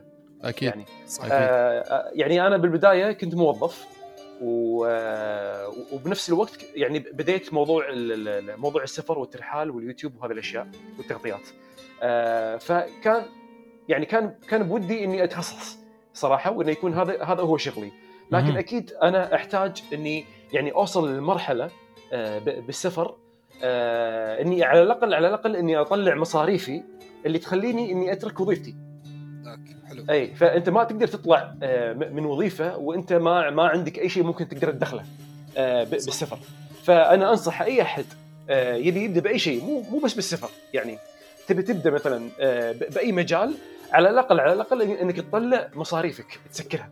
يعني بعدين تقدر ان, إن انت تفكر إن أنت تترك وظيفتك وتتخصص وتكون full time يعني آه أنا يعني أول ما تركت كانت المبالغ يمكن اللي تجيني جدا بسيطة آه لشغلي بالسفر. لكن سبحان الله يعني أنا اتخذت الموضوع اللي صار لي بالشغل حجة. أنا يعني بيوم من الأيام صار لي اختلاف آه، بالدوام. وكنت على طول أفكر إني أنا متى أترك متى أترك فصار عندي اختلاف بالدوام فقلت خلاص لعلها هذه هي الفرصة جتني من الله إني أترك الدوام وأتخصص وأكون full time. أه واجهت صعوبات أه بأول فترة وأول كم شهر لأن تعرف إن أنت يعني تحتاج خلاص أنت الحين فجأة إن أنت قدام عالم إن أنت لازم أنت تجيب كل شيء أنت تسوي كل شيء من صحيح. الألف إلى الياء. صح. إن أنت لازم أنت تتواصل مع مع الشركات. أنت تعرض نفسك آه، للشركات عشان إن أنت تجيبهم. لأن الواحد بالبداية آه، يكون مثلا مو مشهور ما في ناس عارفينه فيحتاج هو يتواصل معهم وهذا الشيء اللي أنا كنت اسويه يعني. فكانت المبالغ جدا بسيطة بالبداية وممكن يمكن في لو في ناس غيري كانوا بهذا الموقف ممكن على طول خلال شهر شهرين ثلاثة يقول لا لا خلاص أنا لازم أرجع للوظيفة القديمة. يعني صحيح. لكن الحمد لله صبرت والحمد لله يعني توفيق من الله إنه يعني آه، مشى الحال ومشت الأمور. ما شاء الله. ما شاء الله. الله يسهلك ويوفق آه، ويوفقك أنت والشباب اللي اللي, اللي جالسين تضيفوا. وعلى فكرة أنا للأمانة ألوم نفسي خاصة هذا الشيء بالنسبة لي اتضح كثير خلال حلقات 30 ألف قدم في في هذا الشهر انه إني فعلا طلعت مقصر كثير في متابعة المؤثرين في مختلف المجالات العرب منهم. فهمت الفكرة أنا أنا أغلب الأشياء اللي اتابعهم البلوجرز وفي أشياء أنا أنا مهتم فيها أجانب أكثر شيء. صحيح. لما أنا لما أنا أقول لك إياها آه، عادل وكابتن فراس وكابتن عبد الله والشباب اللي جلست معه الفترة الماضية فعلا أنا طلعت مقصر كثير. وخاصة لما أشوف بكر ما شاء الله كل ما اتكلم يطلع متابع له ما شاء الله تبارك الله. عكسك. هو متابع الكل. ما شاء الله. ما شاء الله تبارك الله. لما أنا أغبطكم على على هذا الشيء وفعلا أنا أهم نقطه أهم نقطة عادل آه، أشد على يدك وعلى يد كل من يبحث عن عمل لا تشتغل في وظيفة أنت ما تحبها. تحبها فعلا. صحيح. لأنها لأن في فرق كبير إنك أنت تقوم كل يوم وأنت متحمس إنك تروح الدوام. هذا أنا ش... الحمد لله على الأقل عايشه إلى الآن يعني ورغم انه دوام آه, آه، لكن أقوم كل يوم وأنا متحمس أروح الدوام. مقارنة بشخص يقوم كل يوم يجبر نفسه إنه يروح للدوام. فأعتقد إنك تعمل شيء أنت تحبه أعتقد هذه ذروة السعادة اللي, اللي, اللي بالإمكان الإنسان يحققها في في روتينه اليومي. لأن يوسف الحياة ترى مو بس فلوس. يعني أكيد. أنا ما مو مو بس إني أروح أفكر بفلوس على سبيل سعادتي على سبيل آه، يعني اني إني أنا أكون مرتاح مثلا. الراحة الراحة هي أهم شيء. في كثير من من الناس الأغنياء الموجودين بالعالم آه، مو مرتاحين. فتلقاه وده يشتري يشتري الراحة هذه بفلوسه. فهذا صحيح. شنو معناها؟ هذا هذا معناها لنا كلنا. يعني هذه عبرة لنا كلنا إن الراحة هي أهم شيء بالدنيا. فعلا فعلا والله عادل يعني شو أقول لك عادل تبغى صدق أنا حسابك استفدت منه وايد. حتى مو بس في أمور السفر يعني حتى في أمور كيف إن آه، أطور مثلا حسابي في السوشيال ميديا وكيف آه، الحين حتى أنا يعني داخل حتى مثل ما يقولون مهمة اللي هي رحلة التوثيق هاي اللي تعلمتها منك أنا. إيه. ف وخاصة حتى الفقرة الرمضانية اللي تسويها. يعني هي شدتني إني أنا أسوي نفس الشيء بس خاص بالطيران حق رمضان حاولت يعني أسوي يعني أسوي اللي هي فوائد الطيران كذا في هالأمور وأنزلها عندي في الحساب. اي شوف آه سالم ترى الحين بالنسبة للطيران له جمهور جدا كبير. صحيح. و... والناس المتخصصة بالطيران عندهم فرصة جدا كبيرة إن لما يحط محتوى خاص عن الطيران إن الناس تتابعه وأرقام جدا كبيرة وأكثر شيء انصح أنصحك فيه وأنصح كل الشباب اللي اللي ودهم يسوون نفسك إنهم يستغلون ال reels بالإنستغرام. ال reels الحين مشاهداته جدا مرتفعة ويجيب لك ناس أكثر. صحيح صحيح. زين عادل لو بسألك شو مدى تقبلك أو مدى حبك لمتابعة حسابات الطيران أو القراءة عن الطيران بشكل عام؟ يعني أنت مهتم بالسفر ولكن إذا من السفر في عندك منه إضافة اللي هي الطيران. أنت تسافر بالطيارة صح. وتروح وترد شو مدى تقبلك لقراءة الطيران أو معرفة الطيران؟ أنا الفترة الأخيرة حتى كلمت كابتن فراس آه، قلت له أنا ودي إني يعني على الأقل ما ما ما أقول لك أبي أصير متخصص بالطيران لكن على الأقل إن تكون عندي معرفة آه، أقدر أتكلم فيها لأن أنا الحين كشخص الناس مثلا قاعد تتابعني آه، بالسفر من من الأشياء الأساسية بالسفر اللي هي الطيارات والطيران وشركات الطيران. صحيح. فالفترة الأخيرة أنا بديت أصور الطيارات. رحلتي مثلا وأنا مثلا والله بطيران الإمارات آه، بالطيران التركي بالطيران الفلاني بالطيران الفلاني. فالناس تحب تشوف هذه الأشياء. وهذا أيضا من نفس المجال. فحتى أنا قلت قلت للكابتن فراس أنا ما ودي إني أتكلم بأمور آه، ممكن أنا أطلع قدام الناس اني إني أنا مو فاهم فيها. فحاولت إني حتى أبحث بشكل بسيط إني على الأقل أعرف البيسكس آه، بالنسبة للطيران وإني أصور فيديوهات خاصة يعني من من من بدايتها لنهايتها بس داخل الطيارة. هذه الأشياء الناس جدا تحبها آه، وتشوفها. ف يعني أنا ودي إني أتطور فيها أكثر وهالشيء هذا بديت فيه مؤخرا يعني الحمد لله. ممتاز. حتى أستاذ عادل أتوقع إنك أنت من من من المؤثرين أو يعني الموفقين في مجال السفر والسياحة انك تميزت في موضوع الأدوات أدوات التصوير أو ال tools اللي معك. يعني النتيجة ال output مالك جدا احترافي. يعني آلية المنتجة آلية زوايا التصوير إيش اللي تصور إيش اللي تخليه. يعني أتوقع إنك يا إنك دارس أو إنك ماخذ يمكن كورسات أو إنك حبك للتوثيق والسفر خلاتك يعني تطلع بهذا النتيجة في النهاية. صح. أبو بكر يعني حبك للشيء يخليك آه، تتحمس أكثر إنك أنت تتعلم آه، إنك شلون تطلع النتائج اللي أنت تبيها. آه، يعني أنا بالنسبة لي يعني تصوير مهم يعني تصوير مهم جدا مهم. بحيث إنه يوصل للمتلقي يعني بصوره بصورة أفضل. أكيد. أي. أكيد. يعني الموضوع ترى مو بس موضوع آه، موضوع إلقاء أو موضوع آه، معلومات أنت تطرحها. حتى أيضا موضوع جمالية اللقطات زوايا اللقطات جودة شو اسمه quality الفيديوهات. هذه الأشياء كلها نفس ما قلت قبل شوي هذه الأشياء كلها تعتبر تسويقية حتى لك إن أنت تكون عندك content آه، متكامل آه، تعرضه للمشاهد. فأنت لازم تشوف شنو الأشياء اللي ممكن إنها تساعدك إنك توصلك بشكل جدا احترافي ولازم إنك تتعلمها. وأنا ابدا مو دارس وحتى كثير ناس ممكن على بالهم إن أنت لازم تدرس علشان إن أنت لازم توصل للأشياء زينة. لا والله. اليوتيوب والفيديوهات ومتابعة المؤثرين آه، بهذه المجالات هي اللي اللي تعطيك هذا الإثراء. يعني إن أنت تثري نفسك. وأيضا أيضا مو بس إنك تتعلم التكنيكس أيضا العين العين أنت لازم تغذيها. انت لما تطالع للناس لما تتابع انت قاعد تغذي تغذي عينك. بالضبط. وأيضا تغذية المخ. انت لما تشوف افكار الناس تطلع عندك افكار ثانية. صح فعلا. يعني فهذه الأشياء كلها هي أنا أشوفها باكج كامل منظومة متكاملة تكون موجودة عندك إن أنت تساعدك إنك تطلع هذا المحتوى. رائع رائع جدا رائع. أنا مثل ما ذكرت بعد آه، ذكرت هالشيء أبو بكر آه، لك ويوسف. نحن كنا في هذا المجال في مجال الطيران مجال الاسفار كنا نستفيد من بعض. يعني أنا والله يا عادل إني يمكن نسبة كبيرة قاعد أستفيد منك. يعني حتى قاعد أطبقها في الطيران.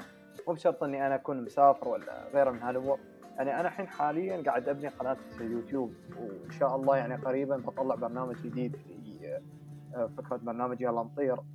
أبغى أدخلها يعني شوية بافاق أكبر. فأنا والله يعني من ناحية الإضاءة من ناحية التصوير من ناحية الإلقاء حتى ناحيه اسلوب الالقاء آه، اللي تطرحه عادل آه سواء على اليوتيوب أو حتى على الانستغرام يشدني وايد إني يعني أستخدم هالتكنيكس أطورها عندي في الحساب. الحمد لله هذا شرف لنا والحمد لله إن الله يعني الله وفقنا ان نقدم المحتوى بأسلوب جدا بسيط وعفوي هذا أهم شيء أنا بالنسبة لي أشوفه. قدر عادل يعني المجهود موضوع ما بعد التوثيق يعني هل يأخذ منك وقت ولا صرت خلاص متمرس إلى حد إنك ممكن إنك تمنتج الاوتبوت أو الفيديو اللي بتعرضه في اليوتيوب آه، في أيام يعني أو في ساعات قليلة؟ ولا فعلا آه. مجهود كبير بياخذ منك يعني؟ صح. هو هو يعني إذا أنت كنت خصوصا إذا كنت قاعد تشتغل بروحك إن أنت مثلا أنت اللي قاعد تخطط أنت اللي قاعد تعد المحتوى آه، أنت اللي قاعد تسافر أنت اللي قاعد تصور أنت اللي قاعد تمنتج. هذه إذا أنت كنت أنت الشخص الوحيد اللي قاعد تسوي كل هذه الأمور هذه أكيد يعني آه، تحتاج وقت وقت. تحتاج مجهود جدا كبير إن أنت تسويه. لكن لأنه حصيلة ممكن... مثلا أسبوع أو أسبوعين تخليه مثلا أنت في فيديو مثلا مدته نص ساعة أو 20 دقيقة. صح. فالمجهود جدا كبير يعني. أكيد يعني خلينا نتكلم مثلا على موضوع المونتاج مثلا أو أو التصوير والمونتاج. آه في يعني أنا الحين بالنسبة لي ك, ك يعني خبرتي اللي اللي سويتها يعني في فيديوهات أصورها بنص يوم. وفي فيديوهات اصورها بيوم وفي فيديوهات اصورها على يومين وفي فيديوهات اصورها على ثلاث أيام. اي بالطريقة هذه. آه المونتاج يعتمد على حسب أنت شنو النتيجة اللي تبي تطلعها. هل, هل تبي تطلعها ك كفيديو كأنه documentary كأنه فيديو وثائقي مثلا؟ الفيديوهات اللي بالطريقة هذه تحتاج شغل أكبر تحتاج voice over تحتاج لقطات أنت تكون معد لها من قبل مثلا. فهذه هذه الأمور كلها تحتاج وقت. أنا ممكن بعد مرة توصل معي مرحلة إني أوصل يعني امنتج فيديو فيديو واحد أسبوع كامل. يعني وبعد مره توصل معاك مرحلة إن أنت تمنتج فيديو بست ساعات. يعني فهي تعتمد على شنو النتيجة اللي تبي تطلعها. صح بالضبط. عادل تواجه صعوبات في حمل العدة اللي عندك خلال سفرك؟ يعني بالنسبة بالنسبة للمسافر آه، والشخص اللي يتنقل مثلا نفسي آه، أفضل شيء أنا أنصحه إنه يخفف العدة كثر ما يقدر. آه، تكون عنده عنده يعني عدة مناسبة وتعطيه كل الأشياء اللي هو يبيها لكن تكون أخف يعني أخف شيء. ممكن هو يقدر يحصل عليه. يعني أنا بالنسبة لي الكاميرا اللي عندي مع العدسة تعتبر شوي كبيرة مع الترايبود. أنا أنا أكون ماسكهم مثلا. لكن شنو؟ ما أحاول إني أجيب معي عدسات كثير وهذه الأمور. لأن بالنهاية أنت حتى لو تبي تطلع كواليتي زين ها بس أنت ما تبي توصل لمرحلة إن أنت كأنك برنامج وثائقي. يعني البساطة هم مطلوبة. يعني. فأنت يعني العب أكثر على موضوع شد الناس والمعلومات وال إي والمحتوى نفسه. أكثر من موضوع العدة والتصوير وهذه الأشياء. ممكن أنت تصور فيديو ما في أحلى أحلى لقطات وعزل وجودة وكل كل شيء لكن أنت بالنهاية ما شدت الناس بالمعلومات. بالنهاية المعلومات هي أهم شيء. عادة تسمح لي يعني أنت الحين ذكرت نقطة جدا مهمة اللي هي مسألة تجهيز لتصوير المادة على اليوتيوب. م. الآن أصبحت بعض القنوات آه، صارت تزاحم آه، صانعي المحتوى أمثالك أنت مثلا عادل م. اللي أنت المصور وأنت المنتج وأنت المخرج وأنت المنفذ وأنت الكل في الكل في حين بعض الحسابات أو القنوات اللي على اليوتيوب عندها طاقم كامل في الخلف يساعدهم في إخراج المادة صح فهل تشوف إن هذا الشيء آه، أثر سلبي عليكم أنتم كصناع محتوى على اليوتيوب مثلا ولا لكل واحد سوقه مثلا؟ آه شوف يوسف آه شنو اللي يميز صناع المحتوى عن القنوات؟ آه اللي يميزهم إنه ما عندهم حدود. جميل. إي وهذه الناس اللي هم يبونه. يعني أنا الحين مثلا لما تجي مثلا تصور حق آه حق تلفزيون أو حق application أو حق أي مكان مثلا عندهم حدود في أشياء لا تذكرها هذه الأشياء هذا الشيء لا تقوله لا, لا والله لا, لا تتطرق للأمور السياسية، لا تتطرق للأمور الدينية، لكن أنت كصانع محتوى تقدر تتكلم بأي شيء أنت تبيه. يعني أنت تشوف شنو توجهك وشنو الرسالة اللي أنت حاب تقدمها للناس تقولها بكل أريحية. يعني هني الناس تحب تتابع صناع المحتوى وهذا هو سبب إن الناس تركت الجرايد وتركت قنوات التلفزيون بسبب إنها شافت مصداقية أكثر عند آه وشفافية خلينا نقول أكثر. مو مثل بس مصداقية شفافية أكثر. عند صناع المحتوى. وهذه هي الناس اللي هي تبيه يعني. فعلا. وأيضا المحتوى اللي, اللي, اللي تقدموه أنتم كصناع محتوى محتوى ما فيه تكلف ما في هذيك يعني المثالية في التصوير. يعني قد تكون الأخطاء الاشكاليات اللي تصير في التصوير هي المتعة. اللي أنا كمشاهد اللي أستمتع فيها أكثر من أشوف مشهد متكامل مشهد سينمائي. أنا أبغى أشوف مشهد سينمائي بروح أشوف لي سينما في الفيلم آه، فيلم أيه. في السينما مش مش ما أتابع لي مثلا vlog في يوتيوب مثلا. صح. تأكيد على كلامك يوسف آه أيه. ممكن الحين أشهر خلينا نقول المسلسلات الكوميدية الموجودة عندنا بالخليج مثلا أشهرها الحين الموجوده عندنا تدري شنو معتمدين على شنو؟ معتمدين على العفوية. تخيل يأخذون ال shot كامل حتى لما يغلطون يضحكون ويكملون. الناس حابة هذا الشيء. صحيح فعلا. فهذه هذه العفوية الناس تحبها. فعلا فعلا. أتفق معك في الجزئية. طيب عادل تسمح لي الحين أريد أسألك عن السفر ونظام السفر. هل هل أسلوب سفرك هو سفر أو يعني أسلوب سفرك نعم هل هو سفر اقتصادي؟ يعني تحرص تحرص إنك تسافر سفر اقتصادي؟ ولا في في في في جزئية مثلا ما عندك اشكاليه تروح مثلا على ال business class تسكن فندق خمس نجوم مثلا. إيش الثيم السفر اللي يعتمد ابن فطوطة في سفرات؟ شوف أنا أنا بكلمكم بكل صراحة وأبي أكون صريح حتى مع مع المستمعين. آه أي واحد حتى ممكن إنه هو حاب إنه يبدأ موضوع السفر لازم يعرف هذه الأشياء. آه إذا أنت حاب إنك تتخصص بالسفر الاقتصادي ممكن راح تواجه آه يعني آه، مشكلات بعدين بالبزنس. إذا أنت كنت حاب تتخصص. لأن أنت لما تكون متخصص بالسفر الاقتصادي بس آه الشركات اللي تدفع ما راح تجيك. صح فعلا. اي اي فأنت لا لازم تكون متنوع. وأنا هذا الشيء اللي, اللي احب أقدمه. أحب أكون متنوع. السفرة هذه أنا بكون اقتصادي. السفرة الجايه أنا بكون مسافر luxury. مثلا. فعلا. اي السفرة اللي, اللي بعدها أنا والله حاب أطلع hiking. السفرة اللي بعدها فحلو التنوع. لأن أنت بالنهاية الناس قاعد تطالعك من كل من كل الأذواق. واذواق فعلا. اي طيب. من كل من كل الأذواق. ف يعني بموضوع ال business يعني حتى لو أنت بديت آه، إنك بس تتخصص بس بال آه، بالإقتصادية فقط وفي أمثلة يعني كثيرة موجودة. شوف كل الناس اللي اللي اشتهروا وكانوا بادين بالاقتصادية بعدين تركوا الاقتصادية. ما أقول لك تركوها خففوا منها. ليش؟ لأنها ما, ما توفي بال business واضح واضح. طيب. جدا. ذكي ذكي ذكي عادل. فعلا. عادل أنا أقول في نفسي يعني أنا من زمان يعني وأنا أشوف حسابك وكذا أقول آه طبعا هذا الكلام أنا متى قلته قلته يوم شوية يعني الحال عندي في حسابي ابو ظبي فيشن شوي تحسن وصار في تفاعل أكبر وكذا. جالس أقول في نفسي يبغى عمل ويا عادل وكذا. أقول إذا عادل يا أبو ظبي يعني أنا أنا بنفسي أنا شخصيا يعني ملتزم إني باخذك وبحوط أبو ظبي وبراويك الأماكن الموجودة في أبو ظبي وكذا وغير هالأمور. تشرف. آه أنا أنا ترى أبو ظبي ترى ولا مرة رحت لها فلا إن شاء الله بتكون معك. إن شاء الله نتشرف وحياك ظبي في أي وقت يا عادل. الله يسلمك. عادل عندنا سؤال بسيط اللي هو عط نصيحة تعطيها للمسافر. يعني المسافر ركب طيارة وخذ الشنطة وتعنى وقص تذكره وراح وسافر لاجل السياحه شو النصيحة اللي تعطيه عشان يتمتع بسفرته ويكون لسفرته رونق خاص؟ في في يعني عدة نصائح آه، ابتداء آه، من التخطيط. أهم شيء إن الواحد يكون مخطط ويكون عارف ويبعد عن كلام الناس. يعني مو أي شيء يقولون الناس معناها إنه صح يعني.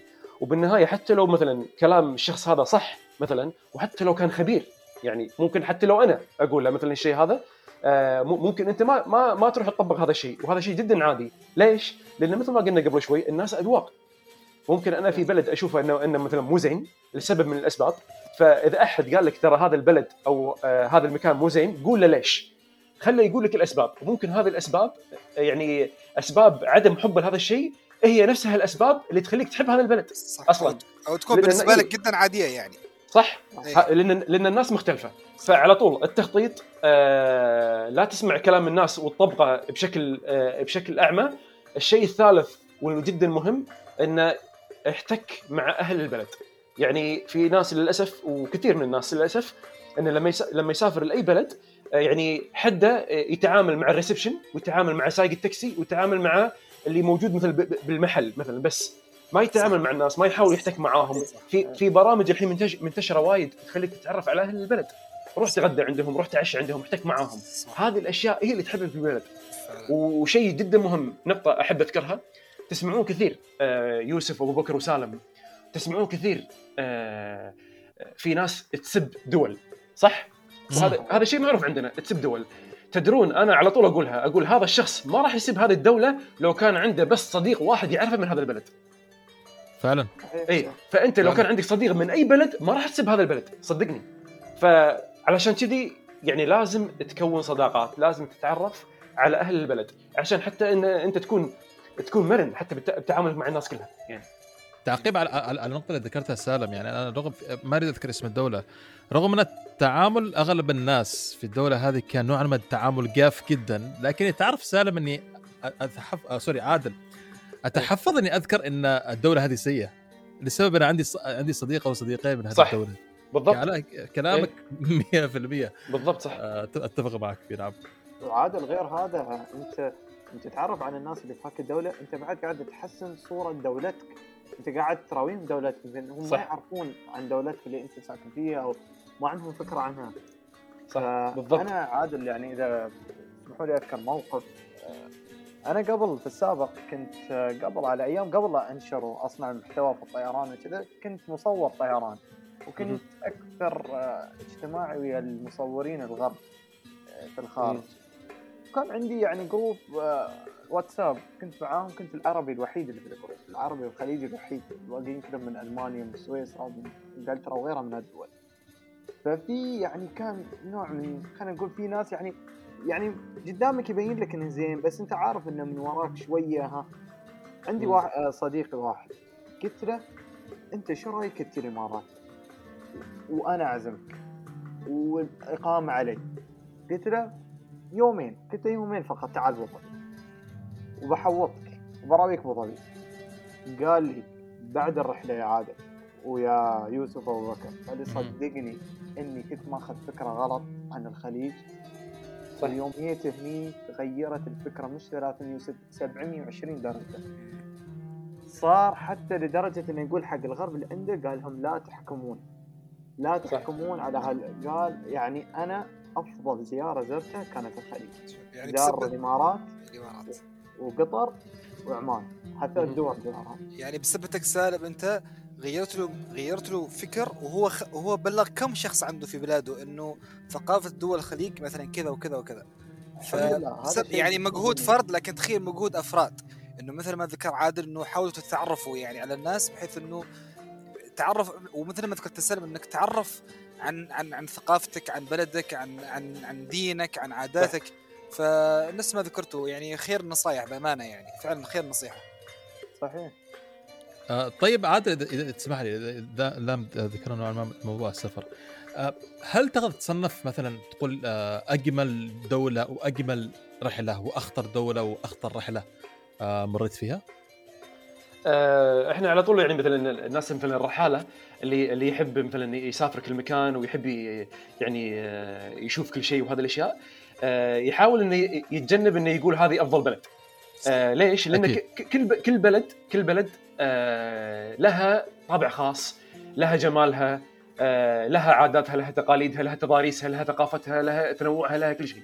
يعني فيعني لكن في أشياء أكيد يعني تكون قريبة من قلبك كشخص يعني. فأنا بالنسبة لي يعني كانت أفضل تجربة سفر بالنسبة لي الجزائر آه، بسبب التنوع اللي شفته بسبب حتى الأشياء اللي أنا قدمتها إن شلون تغيرت الصورة الناس شلون شنو شافت. آه كانت هنا تغطية جديدة على الناس. مثلا حب الشعب الجزائري حتى لي كان هناك وضيافتهم لي. آه هذا مو معناه ان إن الدول الثانية قصروا معي لا بالعكس. لكن شنو؟ في أشياء تكون قريبة من قلبك. آه أكثر. حتى وأيضا وصل وصل عادة يعني اللي انت اللي اللي قدمته أنت في الجزائر وصل للناس ترى. صح. يعني وصل إلى شريحة جدا كبيرة. يعني أتوقع حتى من على المشاهدات يمكن عندك في بالضبط. في وصل ملايين الحمد لله ملايين المشاهدات. بالضبط. يعني وصل أي. الناس وصل الناس كمحتوى قبل ما كمش قبل غير قبل ما يكون مشاهدات وصل الناس كمح كمحتوى. يعني أنت غيرت مفهوم جدا سائد عند يعني للناس إنه مثلا دولة الدولة الفلانية فيها كذا والدولة الفلانية فيها كذا ودولة ومن ضمنها الجزائر. يعني أنا قلت لك من الناس اللي الجزائر حاطة الحين من ضمن خطط السي إني أزورها يعني بسببك أنت كفرد. فوصلت الجزائر بصورة جدا رائعة رائعة رائعة. الحمد لله. هنيك لله. الله يخليك. بالنسبة يعني ممكن أخطر موقف آه، صار لي اللي هو اللي صار لي بالصومال. إحنا كانت في رحلة خيرية رايحين للصومال هناك. فمقديشي والعاصمة معروفة إنها من, من أخطر العواصم بالعالم. آه، يعني لحد الحين في يعني في آه، ما فيها أمن. وفيها يعني خلينا نقول فيها حالة حرب نقدر نقول يعني. صحيح. آه اللي هي مثلا في يسمونها حركة الشباب وفي داعش في أمور يعني أمور كثيرة. فاللي صار إن نزلنا في مقديشو وحطينا شنطنا وكل شيء فرحنا طرنا في طيارة صغيرة اللي هي أم مراوح هذه علشان نروح صحراء بعيدة نعطي فيها الأشياء نوصلها يعني هناك حق الناس المحتاجين. آه، لما ردينا آه، مرة ثانية فكنا قاعدين عادي وما في أي شيء لحد الحين يعني فقاعدين بالليل وكانوا في معنا حتى من ضمن الناس الصوماليين فقالوا لنا ترى اليوم في صار شيء وأنتم ما تدرون فيه وإحنا ما قلنا لكم عشان ما تخافون. قلنا لهم شنو صاير؟ يعني عسى ما شر. قال اليوم آه، عند الفندق مالكم يعني بعد ما مشيتوا عند الفندق مالكم صار في انفجار سيارة مفخخة. يا ساتر. عند البوابة. يا ساتر. آه وماتوا فيها ثلاث أشخاص. يعني تخيل الصدمة إحنا شلون نقدر نستوعب الصدمه هذه؟ يعني آه، زين أنا باكر شلون اطلع شو يوديني المطار شو يوديني الاماكن الثانية. فتحس إنها صدمة. يعني الموضوع مو مو موضوع السرقه أو موضوع نشل. لا موضوع سيارات مفخخة موضوع قتل موضوع اختطاف ممكن. فيعني كان الموضوع جدا مخيف. ما صدقنا أن نطلع من العاصمة مقديشو ورحنا العاصمة صومالي لاند اللي هي آه، العاصمة الثانية. هذه العاصمة صومالي لاند الحمد لله يعني فيها أمن وفيها كل شيء. فلما وصلنا هناك قلنا يبا الحمد لله. لأن صدق الموضوع كان جدا مخيف. إنه يعني تخيل بنفس المكان حتى أذكر على ما أذكر كانوا يسمونه شارع مكة. هناك بنفس المكان وبنفس الفندق صار فيه الانفجار. يعني تخيل لو صاير بوقتنا أو إحنا شايفينه. هذا ممكن حتى يخليك إنك ما تسافر. إي والله إي والله. الله يعين آه، هذه الشعوب بإذن تعالى ترجع آمنة وسالمة وغانمه اللهم رب العالمين. آمين يا رب. عادل زين طيب إذا سألتك سؤال يعني شوية ذيب يعني. قول لي. إيش اللي يميز شرق آسيا بالنسبة لعادل؟ أنا ما آه، أنا أنا ما راح أذكر بلد خلينا نذكر إقليم يعني. أي. إيش اللي يميز شرق آسيا بالنسبة للعدد عن غ... عن, ب... عن غير باقي الأقاليم في العالم؟ اللي يميز شرق آسيا يعني أنا إنسان جدا بسيط وأحب البساطة. الشعوب الآسيوية جدا بسيطة وتع... وتعاملك آه كملك. لكن يا أخي آه رطوبة وحر. اي هذه هذه هي السلبية. هذه هي السلبية اللي إحنا ما نحبها. بس يا أخي شو تسوي؟ مثل ما قلنا قبل شوي إن إحنا نسافر عشان الناس. صحيح صحيح. اي فالشعوب البسيطة أنا يعني جدا تستهويني. والشعوب اللي اللي, اللي تقدر الشخص الغريب آه، أحبها وايد يعني. فهذا الشيء يعني أنا هو اللي محببني بشرق آسيا. وأيضا هذا الشيء موجود بأحد القارات الموجودة اللي أنا لحد الحين ما زرتها ولكن إن شاء الله بإذن الله إني أقدر أزورها قريب اللي هي أمريكا الجنوبية. أمريكا الجنوبية مشابهة مشابهة لشرق آسيا بالبساطة بالكرم بحب الغريب وكل شيء. يعني فإن شاء الله تكون لي زيارة إن شاء الله هناك. طيب. طيب عاد يعني لا يمكن أترك الفرصة هذه إنك نحن مستضيفينك وما أسألك عن زيارتك آه إلى الصلالة. بس قبل ما أسألك عن عن عن رحلتك إلى الصلالة عندي لك سؤال. أي. سؤال من واحد اسمه أنس الذيب. انس حبيبنا نوجه له تحية. الله يسلمك. آه، أكبر تحية لأنس. أنس يسألك الحين يقول لك إيش قصة الطائرة اللي اختفت في الجو؟ طبعا أنس كان معاي في صلالة وهو ما قصر معاي بكل شيء. آه وهو حتى اللي ساعدني بسبب إنه عنده تصريح تطوير الدرون. آه ساعدني حتى هو بالتقاط اللقطات اللي أنا حطيتها عندي بفيديوهات صلالة. آه وما قصر معي فانس متعود بتضييع الطيارات. ليش؟ آه، تعرف الش... تعرف الواحد اللي يقول لك آه، متهور مثلا إنه والله يدخل أماكن خطرة أو يروح أماكن خطرة؟ أنس متهور بتطير الطيارات. يدخل يدخلها بأماكن غريبة يوديها أماكن غريبة عشان كذي لقطاته وايد حلوة. هو. فعنده ما شاء الله لسه الطيارات مضيعها جدا كبيرة. فأنا لما كنت أنا لما لما كنت معاه في آه شو اسم المكان اطلاله الشعت أتوقع؟ شعت شعت اي شعت اي فلما كنا هناك كان كانت الغيوم مغطية بشكل جدا كبير. ما كنا نشوف أي شيء. فشفت الولد طير الطيارة. قلت له إيش قاعد تسوي؟ قال ما عليك. الحين اطلع اطلع لك أحلى لقطات. يقول. ف آه فطير الطيارة هو دخلها بالغيوم. الطيارة ما رجعت. فقمت أشوف قاعد اطالع الوجه آه، أنس قاعد اشوفها ولا ولا هامة. قلت له أنس طيارتك راحت؟ يقول لا عادي. انضمها من ضمن اللستة. لكن لكن الحمد لله إن في لقطات يعني كانت نازلة عنده بالتليفون يعني. فجدا متهور أنس بتطير الطيارات. الله يسلمك. طيب خبرنا عن رحلتك إلى صلاله عادل كيف كانت وكيف كانت أيضا أول زيارة لك لصلاله إي كانت أو كانت أول زيارة لي وكانت بالموسم. آه كانت من من من أمتع السفرات. مو يعني ابدا مو مجاملة ويا الله يشهد على كلامي. من أمتع الرحلات. شنو السبب؟ مو بسبب المناظر ولا بسبب جمال صلاله يعني كطبيعة. يعني بأهلها. أهلها ما في أحد كبيرهم وصغيرهم. الله حتى. حتى أكبر الناس مناصب. ها؟ يقول لك تعال أنت عندي. فأنا كنت على طول نزلت من الطيارة على طول رحت العرس. عرس إيه، صلاله شفته. اي ف يعني كانت يعني على طول يعني على طول دخلنا ديب. مع مع الشعب اللي بصلالة وأهل صلالة يعني. ف مثل ما ذكرت انت احتكاك الشعب يعني هو أهم في, في السفرة. أهم شيء أهم شيء بالنسبة لي بالسفر وكانت جدا ممتعة بالنسبة لي. آه بإذن الله يعني إن شاء الله إن شاء الله بإذن الله إن الأمور تكون آه سليمة الأيام القادمة وإن نزوركم إن شاء الله بالموسم هذا إن شاء الله. إن شاء الله هذه المرة آه عادل لازم في الصرب. لا اي علشان أي. شنو؟ يكون في محتوى خاص بالصرب اللي أصلا أغلب الناس ما تعرفه. بالضبط بالضبط بإذن الله إن شاء الله. آه، الصرب أنا أنا أكد لك آه، عادل انها بتكون تجربة يعني راح تستمتع فيها بخصوصيتها زي ما زي ما نحن السواح يستمتعوا بالخريف. صح. الصرب الصرب له خصوصية جميله جميلة جدا. طبعا الصرب هي, هي الأشهر ما بعد الخريف اللي هي الخريف. في الواقع إيه. هي موسم الخريف يعني. صح. اللي هو من من من سبتمبر إلى تقريبا آه، يعني حوالي نص أكتوبر. اي بإذن الله. بإذن الله تعالى بإذن الله تعالى. طيب شباب إيش اللي علاوه على سؤالك يوسف إيش أكثر شيء يميزك يعني غير يعني خلي يعني الشعب وثقافة الشعب وقرب الشعب. إيش يعني اللي يميزك عن صلاله وإيش ملاحظاتك يعني إنك تتمنى إنك تشوف صلاله في السنوات القادمة؟ سؤال جدا جميل أبو بكر. بالنسبة بالنسبة لصلالة لما تدشها تحس إنك انت أنت مو موجود بالخليج. هذا الشيء الأول. يعني الانطباع آه الأولي جدا ممتاز. اي اي إي جدا ممتاز كأنك مو بالخليج. ابدا. صحيح صحيح. الشيء الثاني الشيء الثاني اللي هو موضوع على سؤالك إنه شنو الأشياء اللي تمناها؟ الصراحة أنا يعني خلينا نكون صريحين. الخدمات جدا بسيطة اللي موجودة حق السياح اللي اللي موجودة في صلالة. يعني كان كان كأنك أنت في يعني مكان سياحي بكر موجود.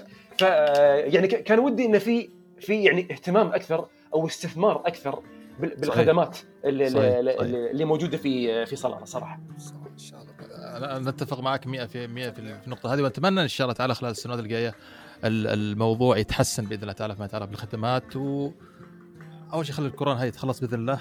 بإذن الله إن شاء الله. جاء ترجع لا وفي وفي خطط وفي استثمارات يعني إن شاء الله في القريب طيب. العاجل راح تشوفون تغييرات كثيرة يعني في البلد إن شاء الله, إن شاء الله. بإذن الله تعالى. طيب آه سالم آه أي ملاحظات؟ سؤال. أنا أنا أعتقد لو لو خلينا المجال مفتوح نسجل كمان ساعتين مع عادل ما عندنا إشكالية نحن. بس الحلقة لازم آه يعني نلزمها شوية وقت سالم أي أي سؤال أو أي آه أي شيء توجهه لعادل؟ والله يا جماعة أنا يعني كنت آه، صامت واستمتع بالحديث. وشجعتوني إني أروح صلالة الصراحه سالم أنت أنت جيتك مع صلالة تكون مع عادل في الصرب ضروري ضروري. لازم. ضروري. إن شاء الله. إذا عند عادل تم أنا عندي تم خلاص. أنا تم إن شاء الله بإذن الله. بس خلت تيسر الأمور إن شاء الله. إن شاء الله إن شاء الله بإذن الله. عادل فرصة سعيدة جدا إن قضينا معك الساعة ساعتين ثلاث هذه مع الاشكاليات اللي صارت معنا. أمور طبيعية. شفت نفس ما أنس متعود يطير طياره يطير يعني يضيع طيارته نحن متعودين على المشاكل اللي تصير هذا شيء جدا طبيعي. أي واحد موجود يعني بالمجال الكرييتيف لازم يواجه نفس هذه الأمور. الله يسلمك عزيزي. فرصة سعيدة والله ان تعرفنا عليك عن قرب. ونسمع معك القصة الطويلة هذه. آه أي كلمة آه عادل قبل ما نختم الله عليك عمر يعني أول شيء آه، صراحة أحب أهنيكم على البرنامج الحلو هذا. ونفس ما قال آه، كابتن فراس إنه يعني هذا شيء جديد. ويعني مجال الطيران الناس ودها تتثقف فيه أكثر. وله جماهير جدا كثيرة ودها تتثقف فيه أكثر. فنفس هذه البرامج يعني بتكون مثرية حق المعلومات الناس آه، بالنسبة للطيران. فصراحة يعني جدا أحييكم على هذه الفكرة. ونتمنى لكم إن شاء الله التوفيق وإن شاء الله حتى الاشتهار أكثر وأكثر وتفيدون الناس أكثر وأكثر إن شاء الله بهذه المعلومات الجميلة. جزاك الله خير عادل ما قصرت ودعم أمثالك الامانه آه وتواضعكم إنكم تحضروا معنا في آه في في حساب ناشئ يعني دوب صار لنا ستة أشهر وأيضا آه والكباتن والضيوف اللي كانوا بالحلقة الماضية أعتقد هذا هذا اللي كنا نصب في بوتقة واحدة في هدف واحد في غاية واحدة إن نوصل الثقافة آه للجمهور الكريم. وبكذا مستمعينا وصلنا إلى ختام الحلقة الرابعة والأخيرة من البرنامج الرمضاني 30 ألف قدم لهذا العام وقبل الختام أحب أشكر جميع الضيوف اللي شاركونا خلال الحلقات الأربعة بالإضافة إلى فريق العمل في الآب شات بودكاست وبالأخص المهندس سالم الزعابي مؤسس حساب أبو ظبي إيفيشن على مجهود الكبير في إنجاح البرنامج. طبعا بعد العيد راح نرجع لدورة برامجية جديدة بحلقة كل أسبوعين كما اعتدتوا معنا في البودكاست. فخلوكم على السمع وعلى أمل بأن نلتقي معكم في العام القادم في الجزء التالي من 30 ألف قدم. كل عام وأنتم بخير. وفي أمان الله.